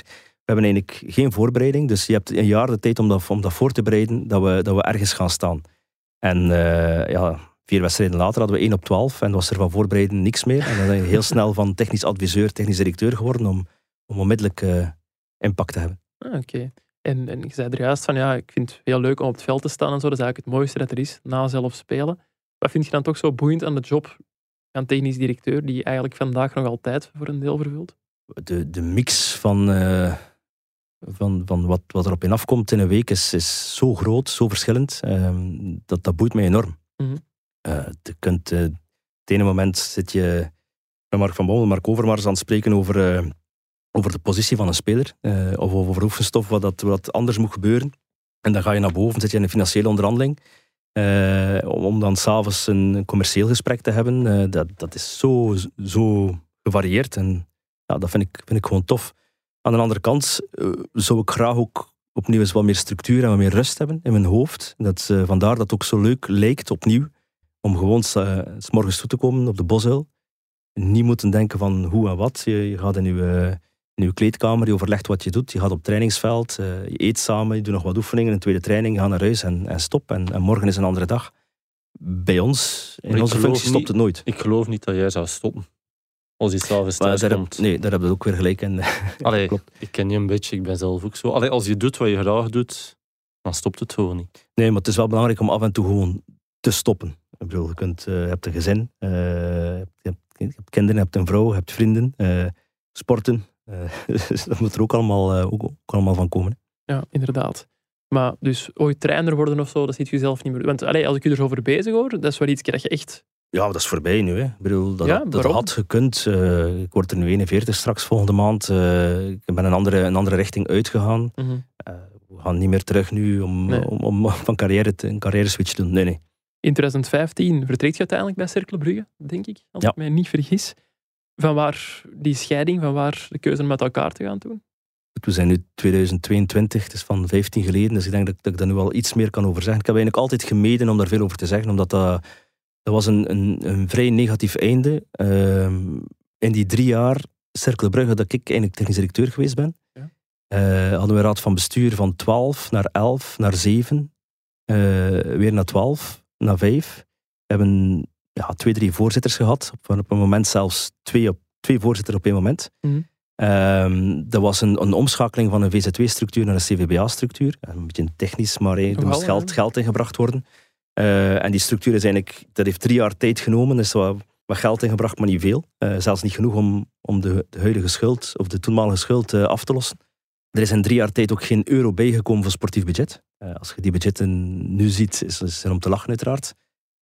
Dus ja, het constant het gevoel dat dat niet vooruit ging. Ehm, en er waren intern heel veel strubbelingen. Er werd gediscussieerd en gevochten rond de macht. En dan heb ik, denk ik, ergens 15, 16 maart 2015 gezegd van eh, stop, eh, dan ga ik zelf de stekker eruit trekken. En dan is Frans Schot eigenlijk naar mij gekomen en gezegd van ja Sven, eh kun je ons toch nog het, het einde van het seizoen mee begeleiden en dan in gang zetten voor het volgende seizoen. Wat heb ik dan uit respect voor, eh, voor Frans ook gedaan. Maar ja, dat, dat, dat was op eigenlijk. dat is daarna dan ook gebleken. Ze hebben nog één jaar doorgedaan zoals ze het wilden doen. Met ons kent ons en, en de, de vriendjes samen. Is gewoon helemaal in elkaar gevallen. En uiteindelijk is, Monaco gekomen met eh, financiële inbreng en een, een herstructurering. eh, om, eh, om bij tweede klasse weg te geraken. Ja, maar je zit dan weg bij Cercle Brugge. Zit je op dat moment ook niet even ja, bang tussen aanhalingstekens? Want je komt van, ja, maar Cercle Brugge. Waar kun je op dat moment terecht als, als technisch directeur direct? Je kunt, de wereld zit niet op je te wachten. Hè. Dat zal eh, voor ons alle drie hier zo zijn. Dus, eh, Ja, nee, we gaan- aan- voor het vertrouwen. Ja. eh. Het is duidelijk dat we staansfan. Ja. Eh, dat, maar dat, dat is gewoon zo. Als je, als je denkt van ik ben onmisbaar, ehm, dan eh, moet je er maar gewoon eens uitstappen en zien hoe snel mensen nu vergeten zijn. Mhm. Eh, anderzijds, als je, als je kennis hebt, eh, kwaliteit hebt en hard wil werken, Ik Kijk naar u, Pieter Jan. dan zijn er, eh, zijn er, altijd, zijn er altijd mogelijkheden. En dat heeft eh, een klein jaar geduurd voordat dat weer in het voetbal was.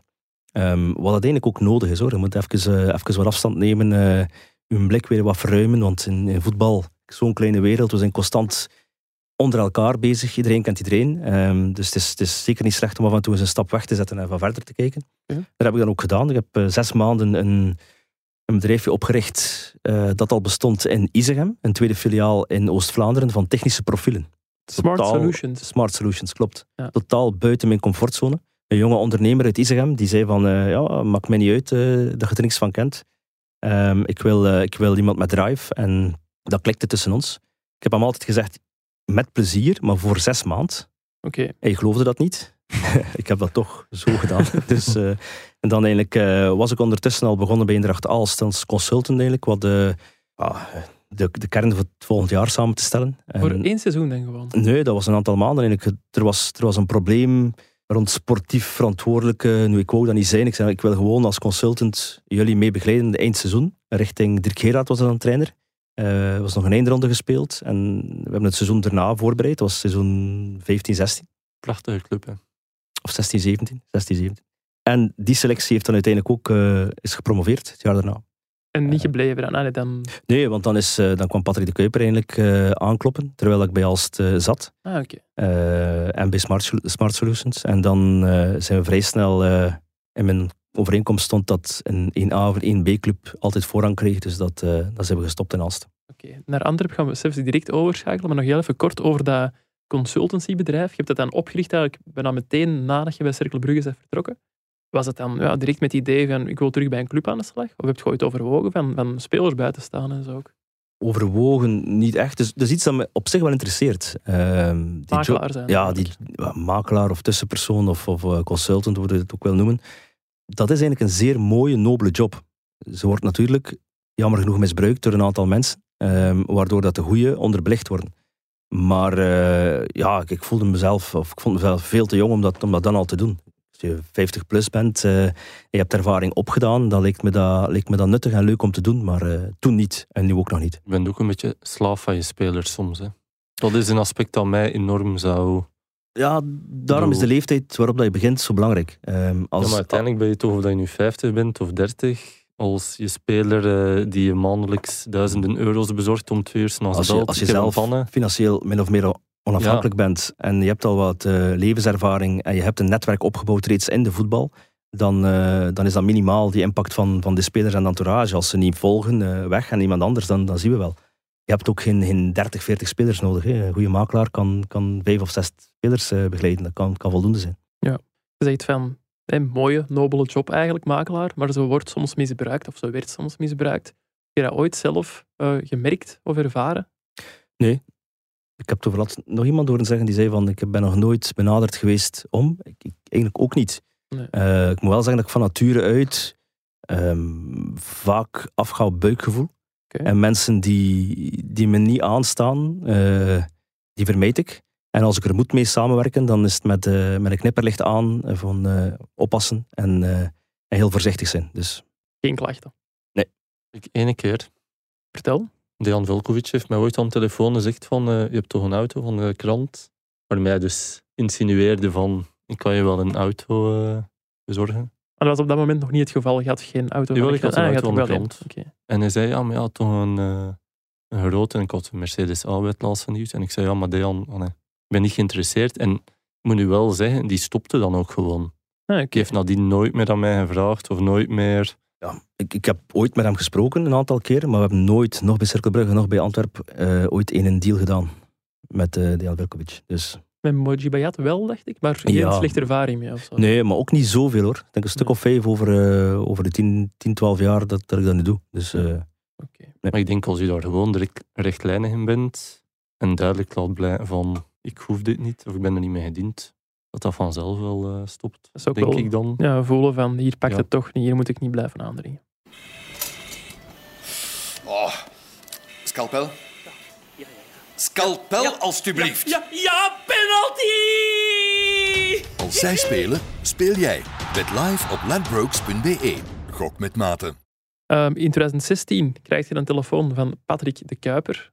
Die vraagt van, wilt je bij Antwerp komen werken?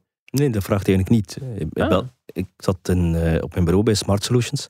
En hij, ehm, hij belde. Had Wat? profiel nodig. We hadden, eh, we hadden elkaar de week ervoor gezien. Cirkelbrugge Antwerpen. Dus Oké. ik werd niet meer bij Cirkelbrugge, was wel gaan kijken. 2-2. Dus Sven Jakico eigenlijk, achteraf hebben bekeken. Dus Sven Jakico, Cirkel Antwerpen. Eh, dus toen er eh, toevallig eh, een pintje gedronken samen en hij belde de week daarna. Hij zegt van, eh, kan ik u eens wat advies vragen? Gewoon vrijblijvend. Eh, over coaches. Want er zijn een aantal coaches op mijn lijst. Dat was dan toen dat eh, David Gevaert het Ja. eerste jaar er was, hè, ontslagen werd, waar jij mee gewerkt hebt. En daar hebben we een babbel gehad van een half uur, drie kwartier over voetbal, over, over trainers, over spelers. En dat, was, eh, dat bleef zo. En dan, ja, een, een maand later of zo, belde hij van, zeg dat, dat van de vorige keer. Zie je zitten om dat fulltime te doen? Zei, wat? En wel zo wat advies geven aan mij. Ik zei, ja, laten we dan misschien eens eh, afspreken. En eh, dan ben ik bij hem geweest in, in Waregem, denk ik, op zijn, zijn bedrijf. Hebben een babbel gehad. Dat was allemaal vrij goed. Ehm, en dan heb ik daar eigenlijk niks meer van gehoord. Tot op een bepaald moment dat ik hem belde van... eh doe we er nog iets mee? Of, of hoe staat... Oeh, maar dat is toch in orde?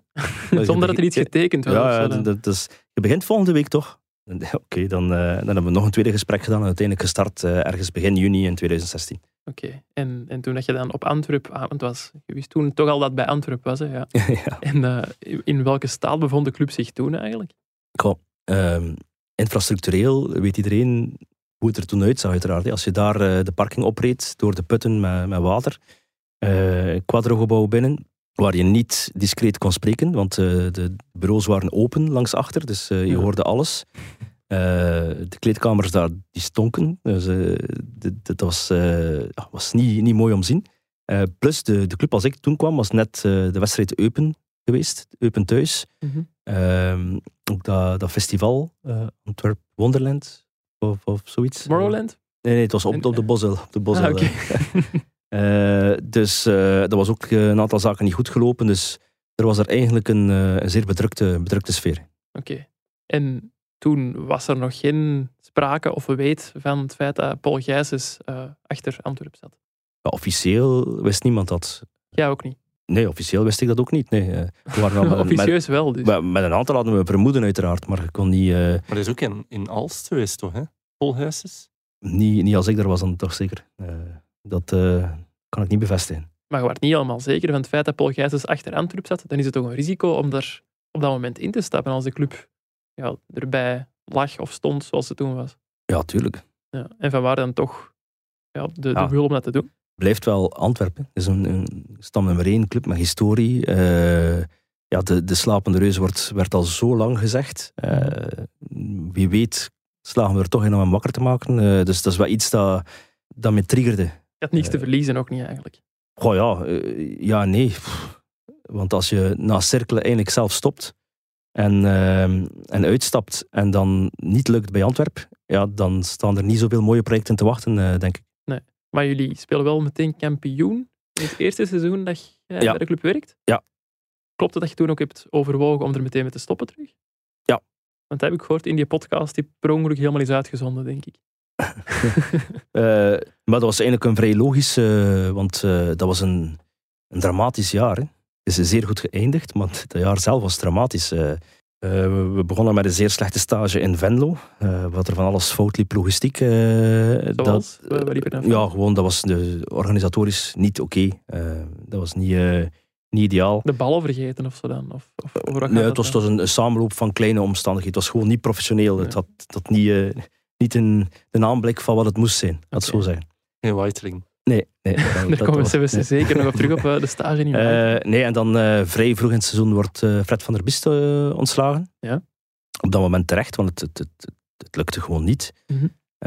Wim de Dekker die overneemt, maar die dan toch de kans niet kreeg om het, om het af te werken. Dan komt John Bico, het hele verhaal John Bico. Dat de, de ja, ja.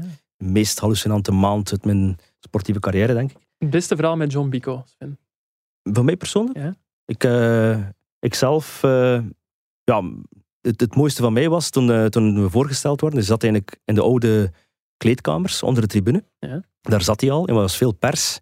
Eh, de, de spelers moesten daar eh, gaan zitten tot hij binnenkwam. Dan stelt hij daarvoor, ik weet niet, je hebt het al gehoord, dat hij drie, drie schilderijen nam. Ik denk Messi, Neymar, Suarez, de Paus en Nelson Mandela. En dat was zijn verhaal naar de spelers toe. Dat was op zich al mooi. Ehm, maar dan ging hij in, in, in het trainerslokaaltje apart zitten. En kwam ik met Patrick de Kuiper binnen. En dan zei Patrick, eh, ja John, eh, dat is Sven. Dat is degene die mij afgeraden heeft om u te nemen. dus de, qua binnenkomer was dat... Maar, allee, John Bico was als, als mens eigenlijk wel top. Die, die vond, dat, vond dat wel leuk. Eh, dat is, het, het mooiste verhaal zelf persoonlijk was niet met mij. eh was Sascha van de Zande, die nu teammanager is. Hè? Die, die deed toen ook het ontbijt en hij deed mannetje van alles.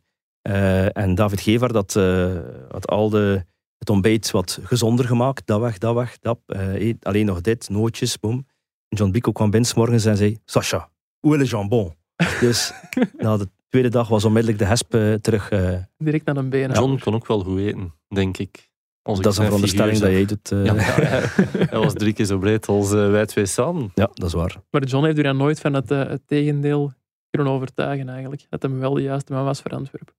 Er kan ook niemand, allee, buiten Patrick de Kuiper op dat moment, niemand gedacht hebben dat dat de juiste man was.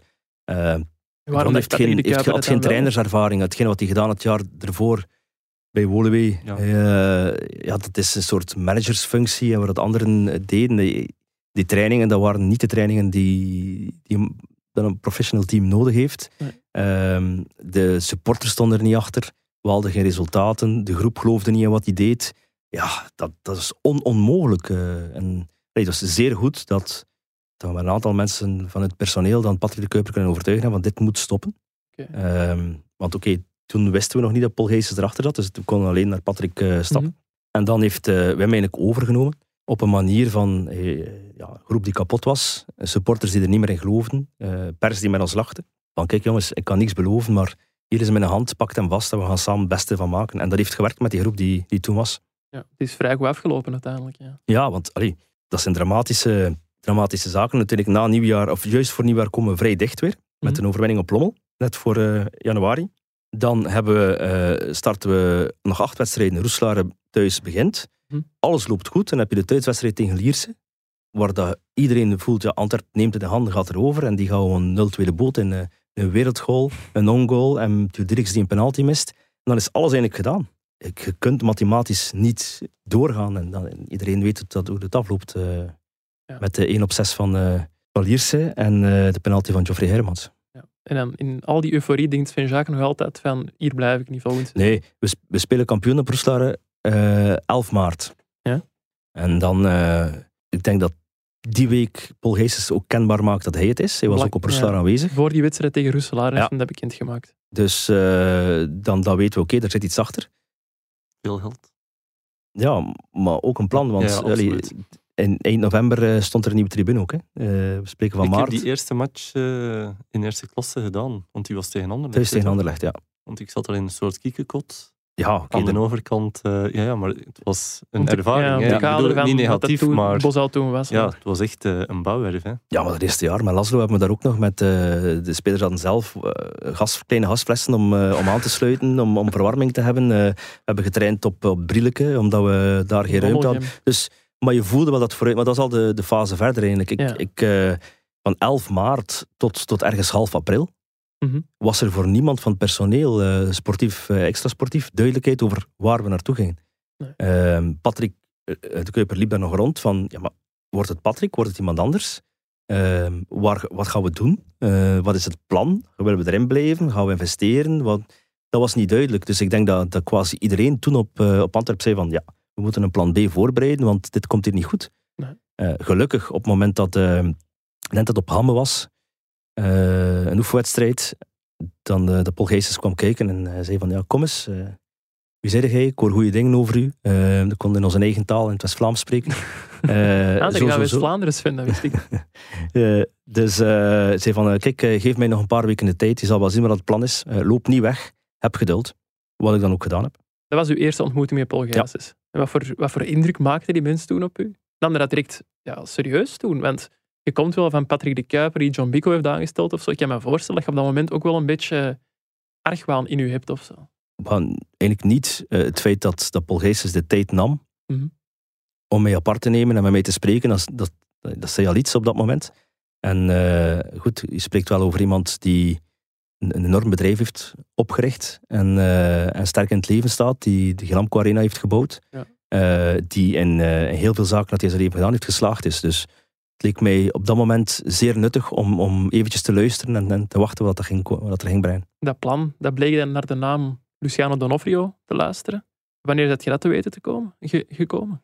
Dat, een dag of twee, drie voordat hij aangesteld werd. eh, en dan eigenlijk nog niet, want die band met Paul was er nog niet, wat ze nu is uiteraard. Dan denk ik dat ik dat via Wim de Dekker geweten heb, die, die, die mee in die gesprekken zat eh, om assistent-trainer te worden en zo verder. Ja, van Beleuni uiteindelijk. Van Beleuni, dus dan eh, denk ik maar een week later of zo, of twee weken later aangesteld. Nou, want iedereen dacht volgens mij toen dat op die persconferentie de nieuwe coach zou worden voorgesteld. Nee, ja, maar ik heb toen Paul Heijsens gebeld. Ja, juist. De dag dat verhaal zegt mij ook iets. En Paul Heijsens heeft mij gezegd, in het West-Vlaams, Ook in het West-Vlaams, ja, uiteraard. er komt morgen geen nieuwe coach, er komt een sportief directeur. Zonder dat wij toen wisten, of zonder dat ik wist dat het eh Donofrio ging zijn. Maar wij gingen er absoluut niet vanuit dat er een coach kwam. Oké, en wist je toen ook al wie er zou komen als sportief directeur? Nee, nee. Als ik me niet vergis, Pieter Jan, zet jij wel de man die als eerste wist dat het Beleuning zou worden. Allee, of toch Ja. de eerste man in de media. En hoe, hoe, hoe is dat u ter oren gekomen? Dat uh, Beleuning de nieuwe coach van Antwerp zou worden? Een makelaar die mij belde en zei, Ja, die- Beleuni wordt de coach van Antwerpen. En hoe heb je En wij hebben gecheckt? Beleuni zelf Ja. nog gebeld en die ontkende. Ja, dat is Laszlo. Maar ik was, allee, je hebt makelaars en makelaars, ik was wel 100% zeker dat het Beleuni werd. En effectief de dag nadien werd Beleuni voorgesteld. Ja, zei hij ook niet iets dat hij in zijn tuin stond of zoiets op het moment dat je hem belde? Dat, dat verhaal staat me nog voor dat je dat ooit Ja, maar ik denk dat Stijn Joris is die hem gebeld heeft. Ah, oké, dacht dat jij hem gebeld had met excuses dan. Maar ik had het nieuws, Beleuni komt. En Stijn heeft gecheckt, want we hebben nog een klein beetje voorbehoud ingebouwd. Huh? Omdat Beleuni zelf eh, ontkende.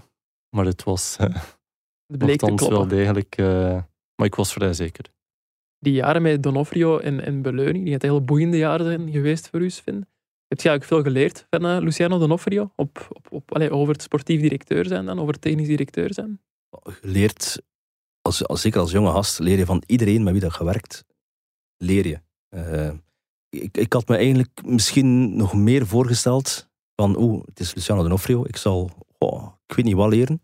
Ehm, anderzijds kom ik er nu ook steeds meer achter dat het ook niet, ik weet niet wat is. Ik bedoel, je kunt maar eh, een plan uitschrijven, eh, bellen, een strategie bepalen, eh, onderhandelen, dicht bij je coach staan. ehm, als er iets fout gaat, oplossingen zoeken. Je kunt ook niet meer doen dan dat. En wat, wat ik van Luciano wel geleerd heb, is, is blijven spreken, blijven rechtstaan in, in welke situatie dan ook. Dus niet, niet achteruit gaan, blijf je verhaal vertellen, geloof in jezelf. En Lu- Luciano kon dat zelfs tot op het moment dat er niemand buiten hijzelf nog in iets geloofde, bleef je nog. eh, maar ja, je moet... eh, voetbal is, is een speciale wereld. Je wordt van alle kanten eh, bekeken, bekritiseerd. Eh, Je kunt nooit voor iedereen goed doen. Kunt, in, het leven kun je dat niet, maar in voetbal al helemaal niet. En zelfs als je alles goed doet wat je moet doen, zijn er nog mensen die kritiek hebben. Blijf gewoon recht staan, doe je job. En morgen is een andere dag. Dus dat, dat Luciano echt wel in hem. Van, vergeet zeker niet om af en toe ook te genieten. Wat hij niet had, was een computer, heb je daar straks Ja. verteld. Hoe, hoe werkt die dan? Had hij dan alle telefoonnummers en, en dingen die hij moest weten in een, in een boekje staan? Of hoe gaat dat dan? Hij had in het begin een, een iPad, waar hij af en toe Ah, wat, beelden op bekeek. hè, Oh, waar we zo'n Wisecode eh op geïnstalleerd hadden, maar dat heeft niet lang meegegaan. Ehm, maar dat is een, een ander soort sportief directeur en het komt uit een andere generatie, die heeft alleen zijn telefoon nodig. En eh, die had dan mensen zoals ik. Ehm, en dat is ook de reden dat, dat hij zo snel gezegd heeft van hier, eh, hier jij blijven en eh, je, wordt, je moet met mij mee omdat, als hij tegen mij zei van, ja, die makelaar, die speler, meer had ik ook niet nodig. Omdat je zelf het netwerk hebt. Je hebt, ik denk, die, die eerste jaren op, op Antwerpen deed ik alles nog zelf. Ja. Maakte nog de, de contracten, de commissieovereenkomsten, ik deed de onderhandelingen, eh, deed de berekeningen. Dus nu, nu is dat eigenlijk allemaal luxe, want ik heb er een legal voor en, en een wordt finance man uitbesteed en- eigenlijk. ja, dan, ja. Dus En toen was eigenlijk de rol. Luciano Donofrio duidde een speler aan en jij deed de onderhandelingen daarna. Of, Ja, Luciano onderhandelde mee, maar niet op alles. Er zijn, allee, je had een aantal zaken, maar bijvoorbeeld Ricci de laatste. Ricci zal het kunnen bevestigen. Ricci heeft nooit met Luciano gesproken, denk ik, in de onderhandelingen om naar ons te komen. Niet de eerste keer, niet de tweede keer. En zijn makelaar al helemaal niet. Oké. En- een Engelstalige makelaar, dat was de, een van de weinige talen die Luciano niet sprak. Ja. Eh, dus dat, dat liet hij dan helemaal aan mij. Ehm, terwijl in Bocani bijvoorbeeld, daar heeft hij echt een zeer actieve rol gespeeld om om mee te gaan, uh, dan ben ik er wel bij en al, maar dan, dan speelde Luciano een veel actievere rol. Dan ging van dossier, dossier per dossier af. Ook omdat dat spelers zijn met wie hij een persoonlijke band had natuurlijk dan. Ja. ja. Is het ooit gebeurd dat je dan voor verrassingen zou komen te staan? In welke zin? Er transfers zijn gebeurd die, die hij alleen heeft afgerond bijvoorbeeld? Nee, dat kon sowieso niet. Hè. Nee, je moest er altijd wel bij zijn voor die onderhandelingen. Ja, ja ik, ik ben ook... Allee, er bestaan altijd de voetbalgerechtig correspondent, dus ik moet meetekenen uh, op elk sportief contract. Uh, ook toen al. Ja. Dus uh, het was onmogelijk dat hij iets, iets deed zonder... het is niet zo dat je plots iets moest tekenen waar je niks van af wist. Nee, er zijn, er zijn spelers geweest dat die zeiden van, we gaan dat doen. Mm -hmm. Ik weet dat, dat er niemand achter staat, maar we gaan dat doen. maar hij heeft mij nooit gevraagd om iets te tekenen waar dat ik niet achter stond, want ook de opmaak van documenten gebeurde door mij of door iemand uh, ja. later fase die ik kende en vertrouwde. Dus uh, ik heb nooit iets moeten tekenen waarvan ik dacht, oei, dat teken ik liever niet. Oké. Okay. Donofrio is uiteindelijk wel vertrokken bij Antwerpen, 2021, denk ik. Um, ik herinner mij dat er een vrij explosieve periode was, denk ik, als ik dat zo mag noemen. Ik herinner mij een, een, een stuk ingezet van Antwerpen, vrij uitgebreid over de relatie tussen Antwerpen en Donofrio, die wat getroubleerd was. Um, waarom werkte het eigenlijk niet meer in die periode? Tussen Donofrio en Antwerpen? Ja, dus Eerst en vooral, er is een verschil tussen wat uh, in de krant toen werd geschetst ja, en, uh, en, de realiteit op Antwerpen. Uh, die dat tegen Peter Goris toen ook duidelijk gemaakt en ook achteraf ja. nog een paar keer. Dat los van het feit dat hij er nog altijd zegt van ja, maar een aantal zaken waren absoluut juist. Dat ik heb gezegd van ja, een aantal zaken betekent ook een aantal niet, of niet helemaal.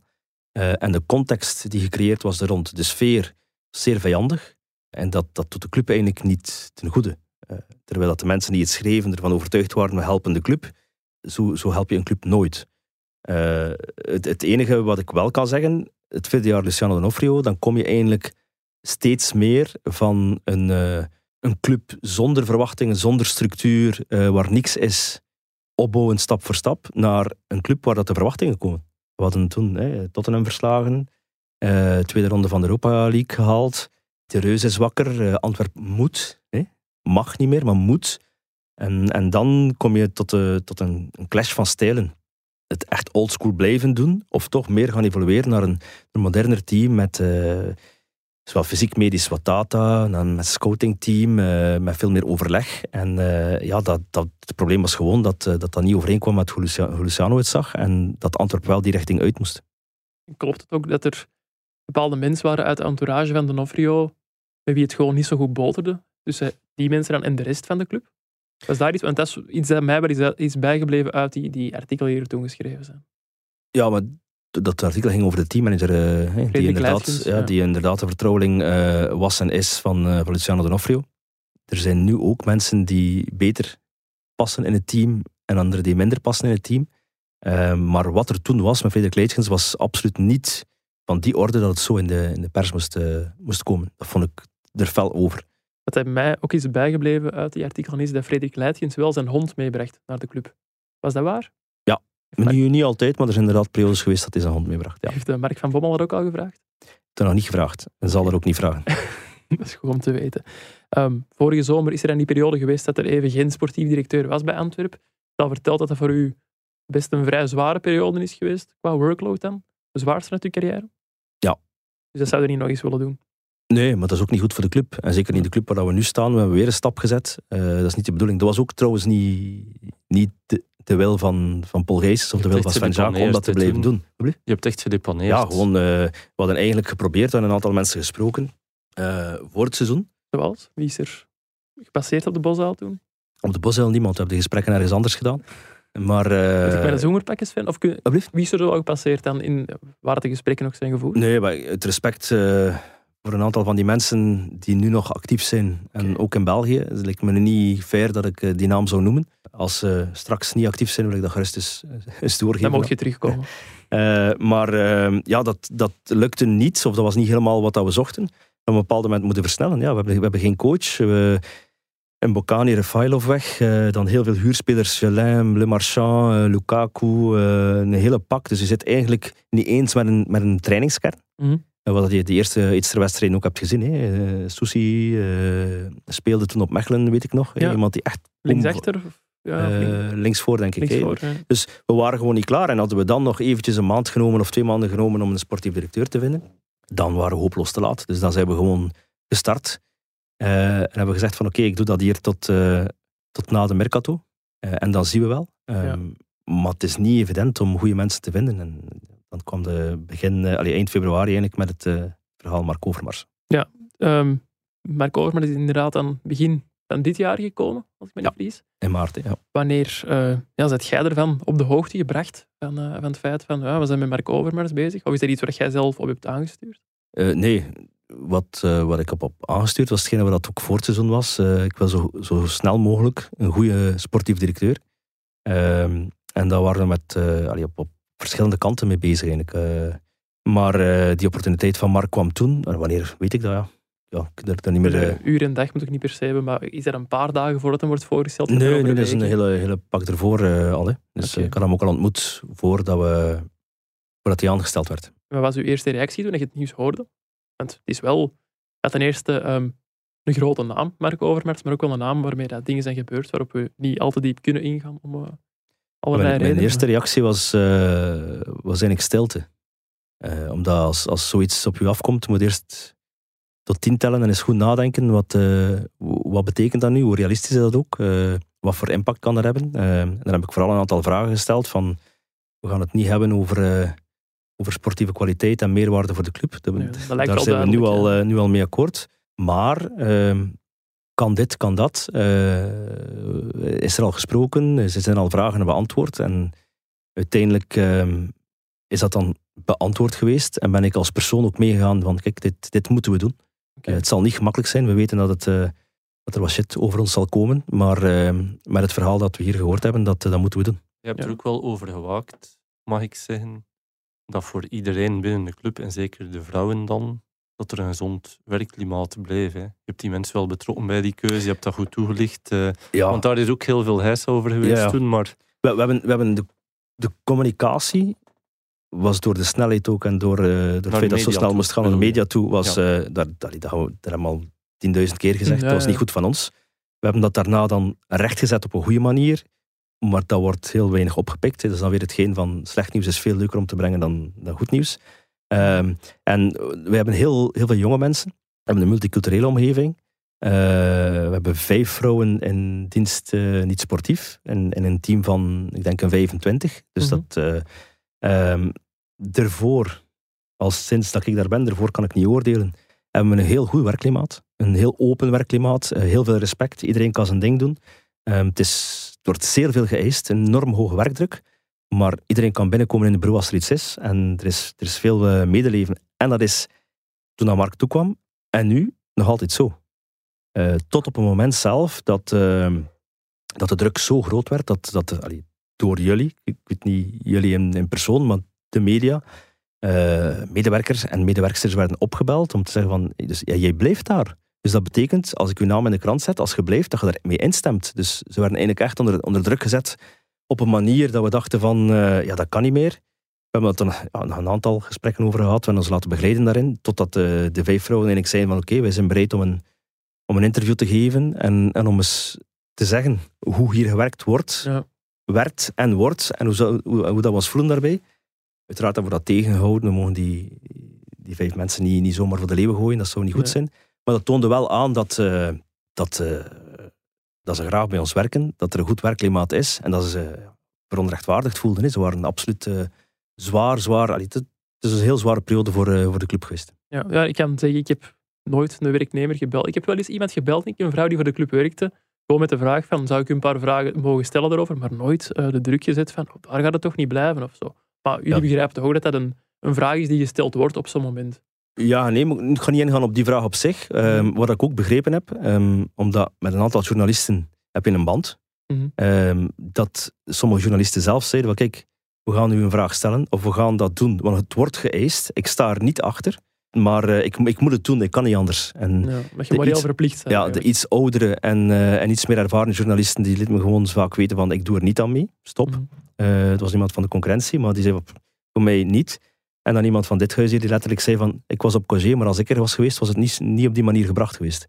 Dus ik geef maar aan, ook in de media Ja, het zijn ook allemaal andere mensen. was het, eh, was, er- was er geen eenduidigheid erover. En eh, Maar daarbij niet geholpen door jullie eigen communicatie. Nee. Ik was zelf ook, ik denk dat ik in congé was die periode, Ook maar was op vakantie. veel congé hier. Bij Mediahuis. Nee, maar daarbij niet geholpen door jullie knullige persconferentie goed. een beetje. je kunt dat ook niet blijven zeggen. En als je het blijft zeggen, maakt het nog groter. Eh, we hebben nu al tien keer toegegeven, dat was gewoon niet goed Ja. van ons. Nee. Eh, daarna hebben we dat wel goed gedaan, eh, maar dat wordt dan veel minder belicht. En eh, het is op zich niet slecht geweest om, om alles in theorie ook nog eens goed te zetten. We hadden al veel naar eh, uw eh, code of conduct en eh, uw bedrijfspolicy en zo verder. We hebben er nu iets meer uitgewerkt. We zitten nu in fase 2 ervan om dat te doen zoals het moet. Dus dat was op zich niet slecht. Maar wie we zijn, hoe we werken, respect voor elkaar, ehm, dat is niet veranderd. En dat zal ook nooit veranderen. We gaan nooit tolereren dat wie dan ook daar verandering aan, aan aanbrengt. Ja, het enige wat ik... Jullie hebben al toegegeven, en dat ziet jullie, dat er fouten zijn gemaakt op vlak van communicatie en zo. Maar je zegt van, het moest allemaal heel snel gaan. Maar als ik het zo hoor, was het al weken bekend dat, dat Marco de club zou vervoegen. Dat er wel tijd voor was eigenlijk net. Omdat het is volgens mij ook pas uitgelegd een, pa- ik denk, een uur voor de persconferentie of zo. Mhm. Dus dat is iets wat ik persoonlijk niet helemaal begrijp dan. Het is niet omdat je een akkoord hebt met elkaar om samen te werken, dat de datum om te starten al bepaald is. Dat hoefde niet 10 maart of 20 Mhm. maart of, of eh, 4 april te zijn. We hadden daar eindelijk de, de ruimte en wat speling om, eh, om zelf te beslissen wat het ideaal moment zou geweest zijn en welke manier dat we dat gingen doen. Als je dan voelt dat het wel naar buiten aan te komen is, eh, Mhm. dan heb je natuurlijk geen tijd meer.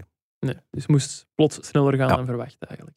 Die, ja, er is eigenlijk over heel uw carrière nog niet heel veel kritiek geweest op u, denk ik. Buiten dan eigenlijk rond die periode, die persconferentie misschien. Oh, dat, dat klopt eigenlijk niet. Eh, nee, is er wel nee, veel nee. kritiek geweest? Nee, nee, nee. Mijn, mijn periode bij Cercle Brugge was, eh, was eigenlijk een, een absolute vuurdoop op dat, eh, op dat moment. Ah.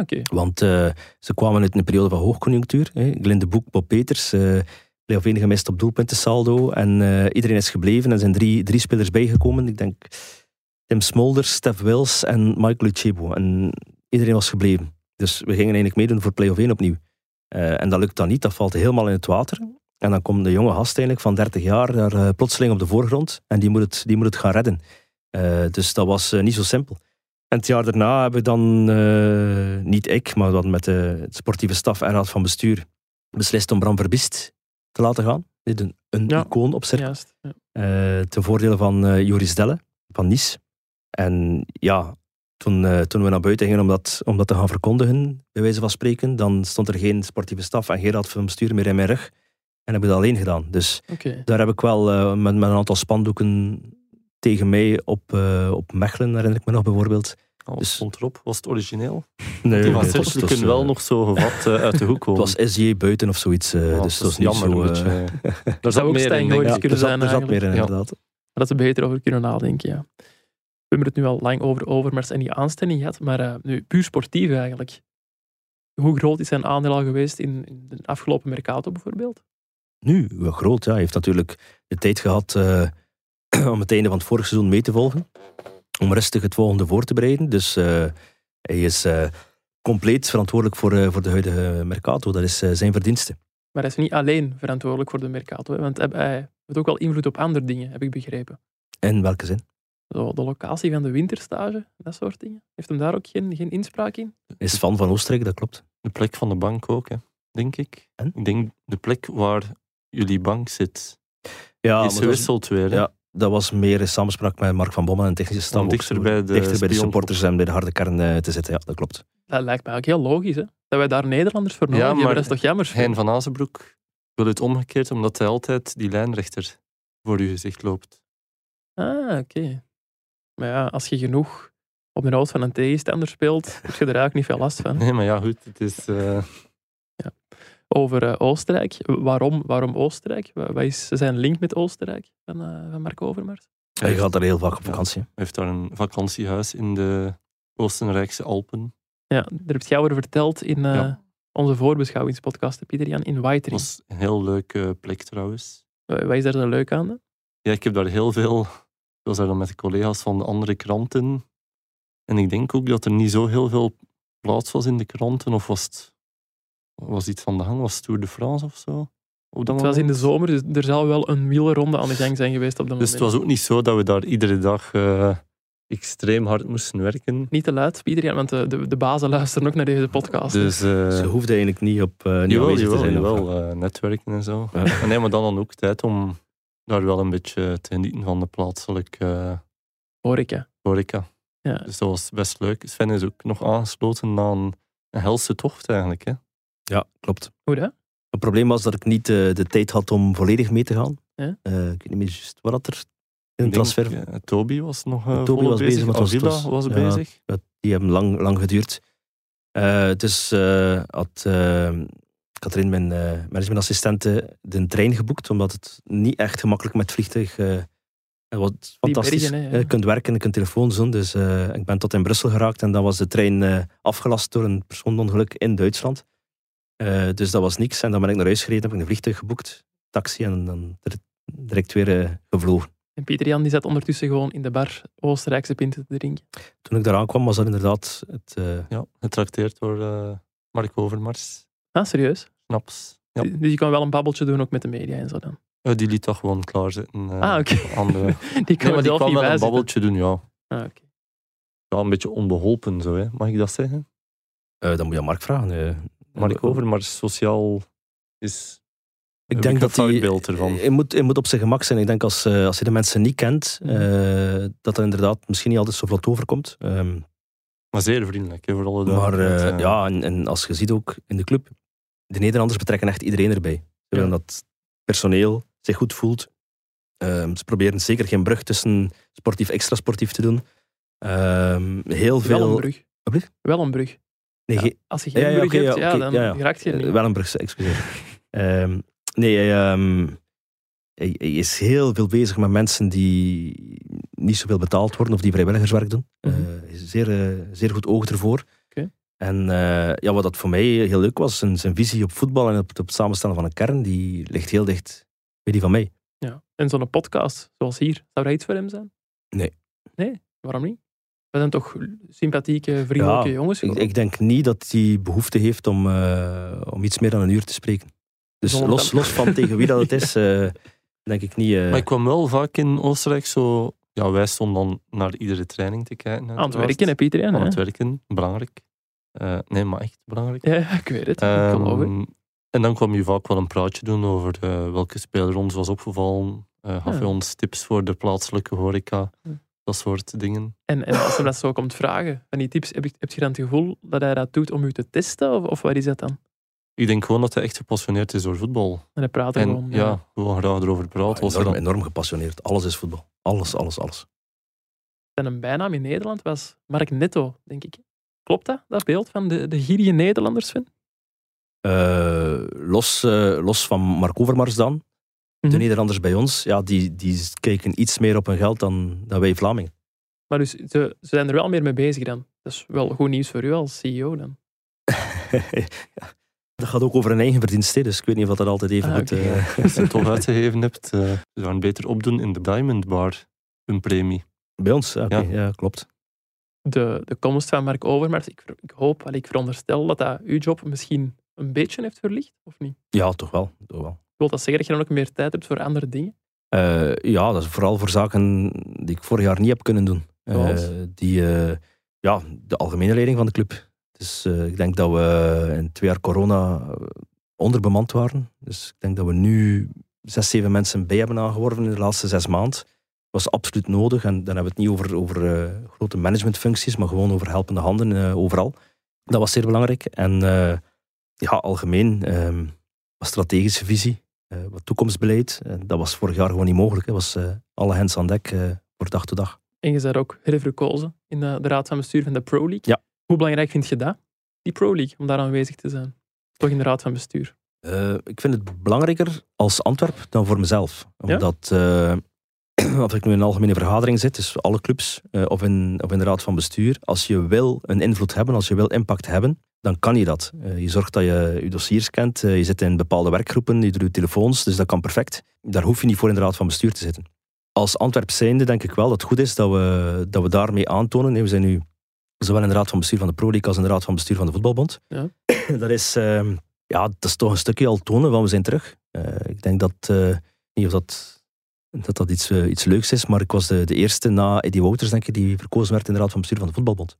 Ah ja, klopt. Eh, dus eh, het, het toont aan dat we als club gewoon die stappen weer zetten en terug zijn bij, bij de top van het Belgisch voetbal. Mhm. Ehm, maar goed, het, het komt er op niet, niet op neer om zoveel mogelijk bestuurdersmandaten te hebben, maar uiteindelijk om resultaat neer te zetten. Dus daar, Ja. dat moet nog volgen. We hebben het nu vooral over, over Antwerp gehad, over de ambities van Antwerp. Die kennen we ondertussen al als kampioen worden, zodat Pieter Jan eindelijk eens mee kan vieren met een club die hij volgt. Vier niet, hè. Ik, ik, eh, ik ben een objectieve waarnemer. Eh, wat zijn eigenlijk de persoonlijke ambities, ambities sorry, van eh, Sven Jaak? Mijn ambitie is eigenlijk altijd geweest ehm, om de beste te worden in wat ik doe. Eh, of dat ik nu trainer was, of eh, mijn eigen bedrijf had in, in die sportdagen en teambuilding, of nu algemeen directeur zijn. Ik wil absoluut het beste zijn in, eh, in mijn branche en in wat ik doe. En als ik dat ben, of als ik voel dat ik dat niet kan worden, dan is het tijd voor iets anders. Eh, Maar eh, dat is absoluut nog het geval niet. Zowel met, met Antwerpen als mijn persoonlijke ontwikkeling dan, dan denk ik dat er wel nog een aantal jaar en een aantal stappen te maken zijn. Spelers die dromen dan soms van, van het buitenland, van, een- van een grotere competitie. Is er iets wat in, in uw hoofd ook speelt? Ja en nee.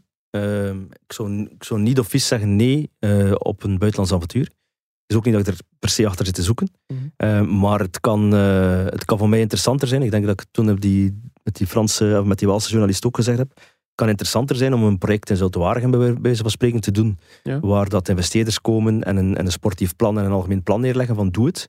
Dan, eh, dan nummer 20 te zijn in Real Madrid. Om dan toch maar bij Real Madrid te zitten. Dus dat, het project is veel belangrijker dan, dan het postje. Dat klinkt als iets waarvoor ik de zoomer zou kunnen gebruiken, maar ik ga het niet doen omdat ik het nog wel geloof. Het is, het is ook zo. Goed, dan denk ik dat we stilaan volledig mee zijn. Pieter Jan, heb jij nog vragen voor Sven die je hem eh, zeker wilt stellen? Ik denk het niet. Goed, dan eh, kunnen wij over naar het volgende. Ook een traditie in onze specials, dat is eh, een quiz, Sven. Ben jij een eh, voetbalquizzer? Nee. Nee? Pieter Jan, jij? Ik doe dat soms wel met mijn vrienden. En ik ben altijd heel trots als wij dan zo derde zijn op dertig. En mijn vrouw snapt dat nooit, die fierheid. Dus, Oké. Misschien kun je straks zeggen, ik heb vandaag gewonnen van de CEO van Antwerpen. Daar kunnen we Maar toch ik mee heb ook, oh, in dit decor heb ik schrik om af te gaan, eerlijk gezegd. We kunnen nog altijd knippen. Als je je allebei gegeneerd voelt of zo, dan kunnen we het er nog uithalen. Maar ik ben ervan overtuigd dat dat niet nodig zal Nee, zijn. dan knippen we de quiz. hè. Ja, het principe is eh, simpel. Ik ga een speler of eh, een trainer van Antwerpen noemen. En jullie noemen om de beurt elk een ex-club van de mens in kwestie op. Jeugdclubs stellen ook. En bij eh, coaches of bestuursleden de getrainde clubs ook. Ik zal beginnen bij Sven, want hij is de gast. Eh, Mark van Bommel. Wolfsburg, Dat klopt. Barcelona. Dat klopt. PSV, Klopt. Una Sittard. Het klopt. Bayern München, Klopt. Milan. Klopt. eh en de club stellen ook, hè? Ja, eh, de Australische nationale ploeg. dat klopt. Hij was daar assistent, zal ik erbij Ja, zeggen, maar ik ja. reken het goed. Ook nog iets in de zandbak. Eh, UAE? Nee, eh, Verenigde Arabische Emiraten. Nee, dat is eh, niet fout. Ik denk dat je doelde op Saudi-Arabië, waar hij assistent is Ah. geweest. Ehm, ik zal de volledige lijst voor de volledigheid overlopen. Hij is begonnen bij RKVV Maasbracht, daarna naar Fortuna Sittard gegaan in de jeugd, waar hij ook zijn profdebuut maakte. Dan PSV, Barcelona, Bayern München, AC Milan, PSV. Dan assistent van de Nederlandse onder 17, eh, Saudi-Arabië assistent geweest, onder 19 van Oranje, Australië assistent PSV, Wolfsburg en niet genoemd Antwerp. Ah, huidige geteld ook. Ja. Telde ook. Ja, we waren toch zo goed als Ja. rond eigenlijk. Ja, dus ja, toch ja, knap het was, het was heel maar- knap. Eh, dan stel ik voor dat we overgaan naar de tweede. Dat is een eh, speler en wel Richie de Laat. En die heeft heel veel clubs, want ik maak de voetbalgids tegenwoordig, ook bij het Nieuwsblad. En dat is heel vervelend om alle ex-clubs van Richie de Laat in dat vakje te krijgen. Dus het mag stoppen na Antwerpen. Pieter Jan mag eh, nu beginnen. Hè? Antwerpen, dat klopt zeker. Aston Villa, dat is echt, ja, klopt. Leicester. Dat klopt uiteraard ook. Manchester United. Dat klopt. Het is echt even zoeken soms. Is, allee. Adelaide United. Ah, dat ging ook zijn. nee, Jawel, Australië, in Australië is Australië toch iets? Ja, maar niet Adelaide. Perth. Ah, Dat was eh, Melbourne City. Ah. Dat was in Australië, inderdaad. Oh, ik ga het heel snel doen. KSK Hoboken, KV Ja, die Mechelen. Hoboken, KFC Wilrijk, Antwerp, Stoke City, Wrexham, Manchester United, Sheffield United, Preston, Portsmouth, Norwich, Leicester, Middlesbrough, Aston Villa, Antwerp, Melbourne City en Antwerp. De Ehm, meeste wist ik toch niet. Is het nu al eh 2-0 voor Sven? 2-0 dacht ik, hè. Nog eentje voor, voor, de, ja, voor de eer, toch, hè, Pieter Jan, dat hij niet op een, eh, Ja, een 3-0 voor Betty. eindigt. Mark Overmars. Zullen we Pieter Jan terug laten beginnen, Sven? Of, eh? Ajax, Ajax klopt zeker en vast. Arsenal. Arsenal klopt ook. Barcelona. En Barcelona ook. Ik krijg het al moeilijkst. Hè. Eh, Go Ahead Eagles. Klopt. Antwerpen. Klopt. Ah, Nee, Is Pieter het nu toch al bij jeugdploegen bijna weer? Of niet? nee, er is een- heeft nog een, Er is nog een, eh een ploeg waar hij als een technisch directeur seniorenploeg waar hij heeft gevoetbald. Zijnde Willem II. Ja. Heeft Ah, ook ja. nog gespeeld. Hij is begonnen bij SV Epe in zijn geboortedorp. Daarna naar Go Ahead Eagles, waar hij ook zijn profdebuut maakte. Willem II, Ajax, Arsenal, Barcelona, Go Ahead Eagles. Dan de jeugd van Ajax getraind. Technisch directeur geworden bij Go Ahead Eagles, Ajax en nu bij Royal Antwerp Voetbalclub. Waar hij ongetwijfeld zijn carrière gaat afsluiten is, Sven. Ja. Goed, dan eh, zijn we helemaal mee. Dan gaan wij over naar onze afsluiter. We zijn nu eh, echt helemaal rond, Sven en Pieter Jan. Hebben jullie er een beetje van genoten? Ja, Ja, het van was het- plezant. Vond het aangenaam, Sven? Jawel, wel. Om nog eens over te doen bij een titel of zo? Als we een titel eh, halen, geen probleem. Oké. Met plezier. Hij ging net, volgens mij gaat hij nu echt een straffe belofte doen. Ja? Ik, ik had het gevoel dat hij ging zeggen, als we de titel pakken, dan doe ik alles. Dus Nee, dan kom Nee. ik opnieuw naar hier. ah. Er is ooit zo'n trainer geweest die iets te snel zijn kleren heeft uitgedaan bij de Antwerpen. Ja, dat klopt. Nee, dat was niet... eh, persoonlijk. Nee, dat zou Mark van Bommel niet doen eigenlijk. dat denk ik niet. Ja. Ik kan, kan niet in het hoofd van Mark kijken, maar ik denk het niet. Maar dat, dat was ook niet gepast op dat moment. Wat staat er eh, de komende dagen voor jullie nog op, eh, op de planning? Ik heb morgen eh, een interview op Antwerp met Mark van Bommel. Oh, mij. Eh, een dubbel interview met Patje Hoot. Dan ga je eigenlijk Patje Goot het werk laten doen en gewoon zelf eh, erbij zitten. Patje Boom Boom versus Mark van Bommel. Dus ja, dat is een, een mooi weekendinterview, alleszins. Iets aan eruit te kijken voor Ja. de luisteraars. De lezers ook. En de lezers ook. Ja, ja absoluut. Ehm ga iets over de Ranond vragen. Ja, ik denk dat ik vooral Patrick Goot eh, voor eh, de leuke dynamiek zal laten zorgen. Oké, dat Dat lijkt, is me een beetje het idee. lijkt me een goed idee. Sven, voor u, wat staat er voor u nog op eh, de planning? Straks is de interviewaanvragen bekeken en zien we dat we toestaan en niet toestaan. Eh, Het is al toegestaan, dit. eh. nee, eh, een, een normale week ter voorbereiding van de wedstrijd van, eh, van zondag. Dus eh, woensdagavond nog een event op de Bosuil eh, en de rest. ja, eh, is dat, is dat dat netwerkevent? Ja. Zijn wij ook welkom dan? Tuurlijk. Ja, maar ik denk dat met de entree betalen is. Ook Is voor journalisten. Ook voor journalisten. Maar hoe komt het... eh, mag ik dat nog vragen? Natuurlijk, Pieter Jan. waar komt dat plots vandaan, eh, zo dat netwerkevent eh idee? Dat is iets wat we eigenlijk eh, met onze businessclub vaker doen. We hebben dat nu wat opengetrokken voor een groter publiek. Eh, en dat is iets dat voor corona ook regelmatig eh, gebeurde. Dus Want Mark van Bommel gaat ook spreken, Ja. geloof ik. Ja. ik hoop het. Ja, maar ik kan niet. Anders zou ik er zeker bij zijn. Dus eh, jij gaat deze week alles voorbereiden voor een, een historische 30 op 30, Sven. Ja, dat zal niet, aan meer, niet alleen aan mij liggen, uiteraard. Hè, maar eh, dat, we zullen dat wel doen. Oké, dat is eh, goed om dat te horen. Dan was dit het voor vandaag. Jullie en de mensen van Ledbrokes, van die had ik eh, nog niet vernoemd, zijn weer helemaal mee. Geniet van deze special van komend voetbalweekend en tot een volgende keer. Merci Sven en. Graag gedaan. Merci.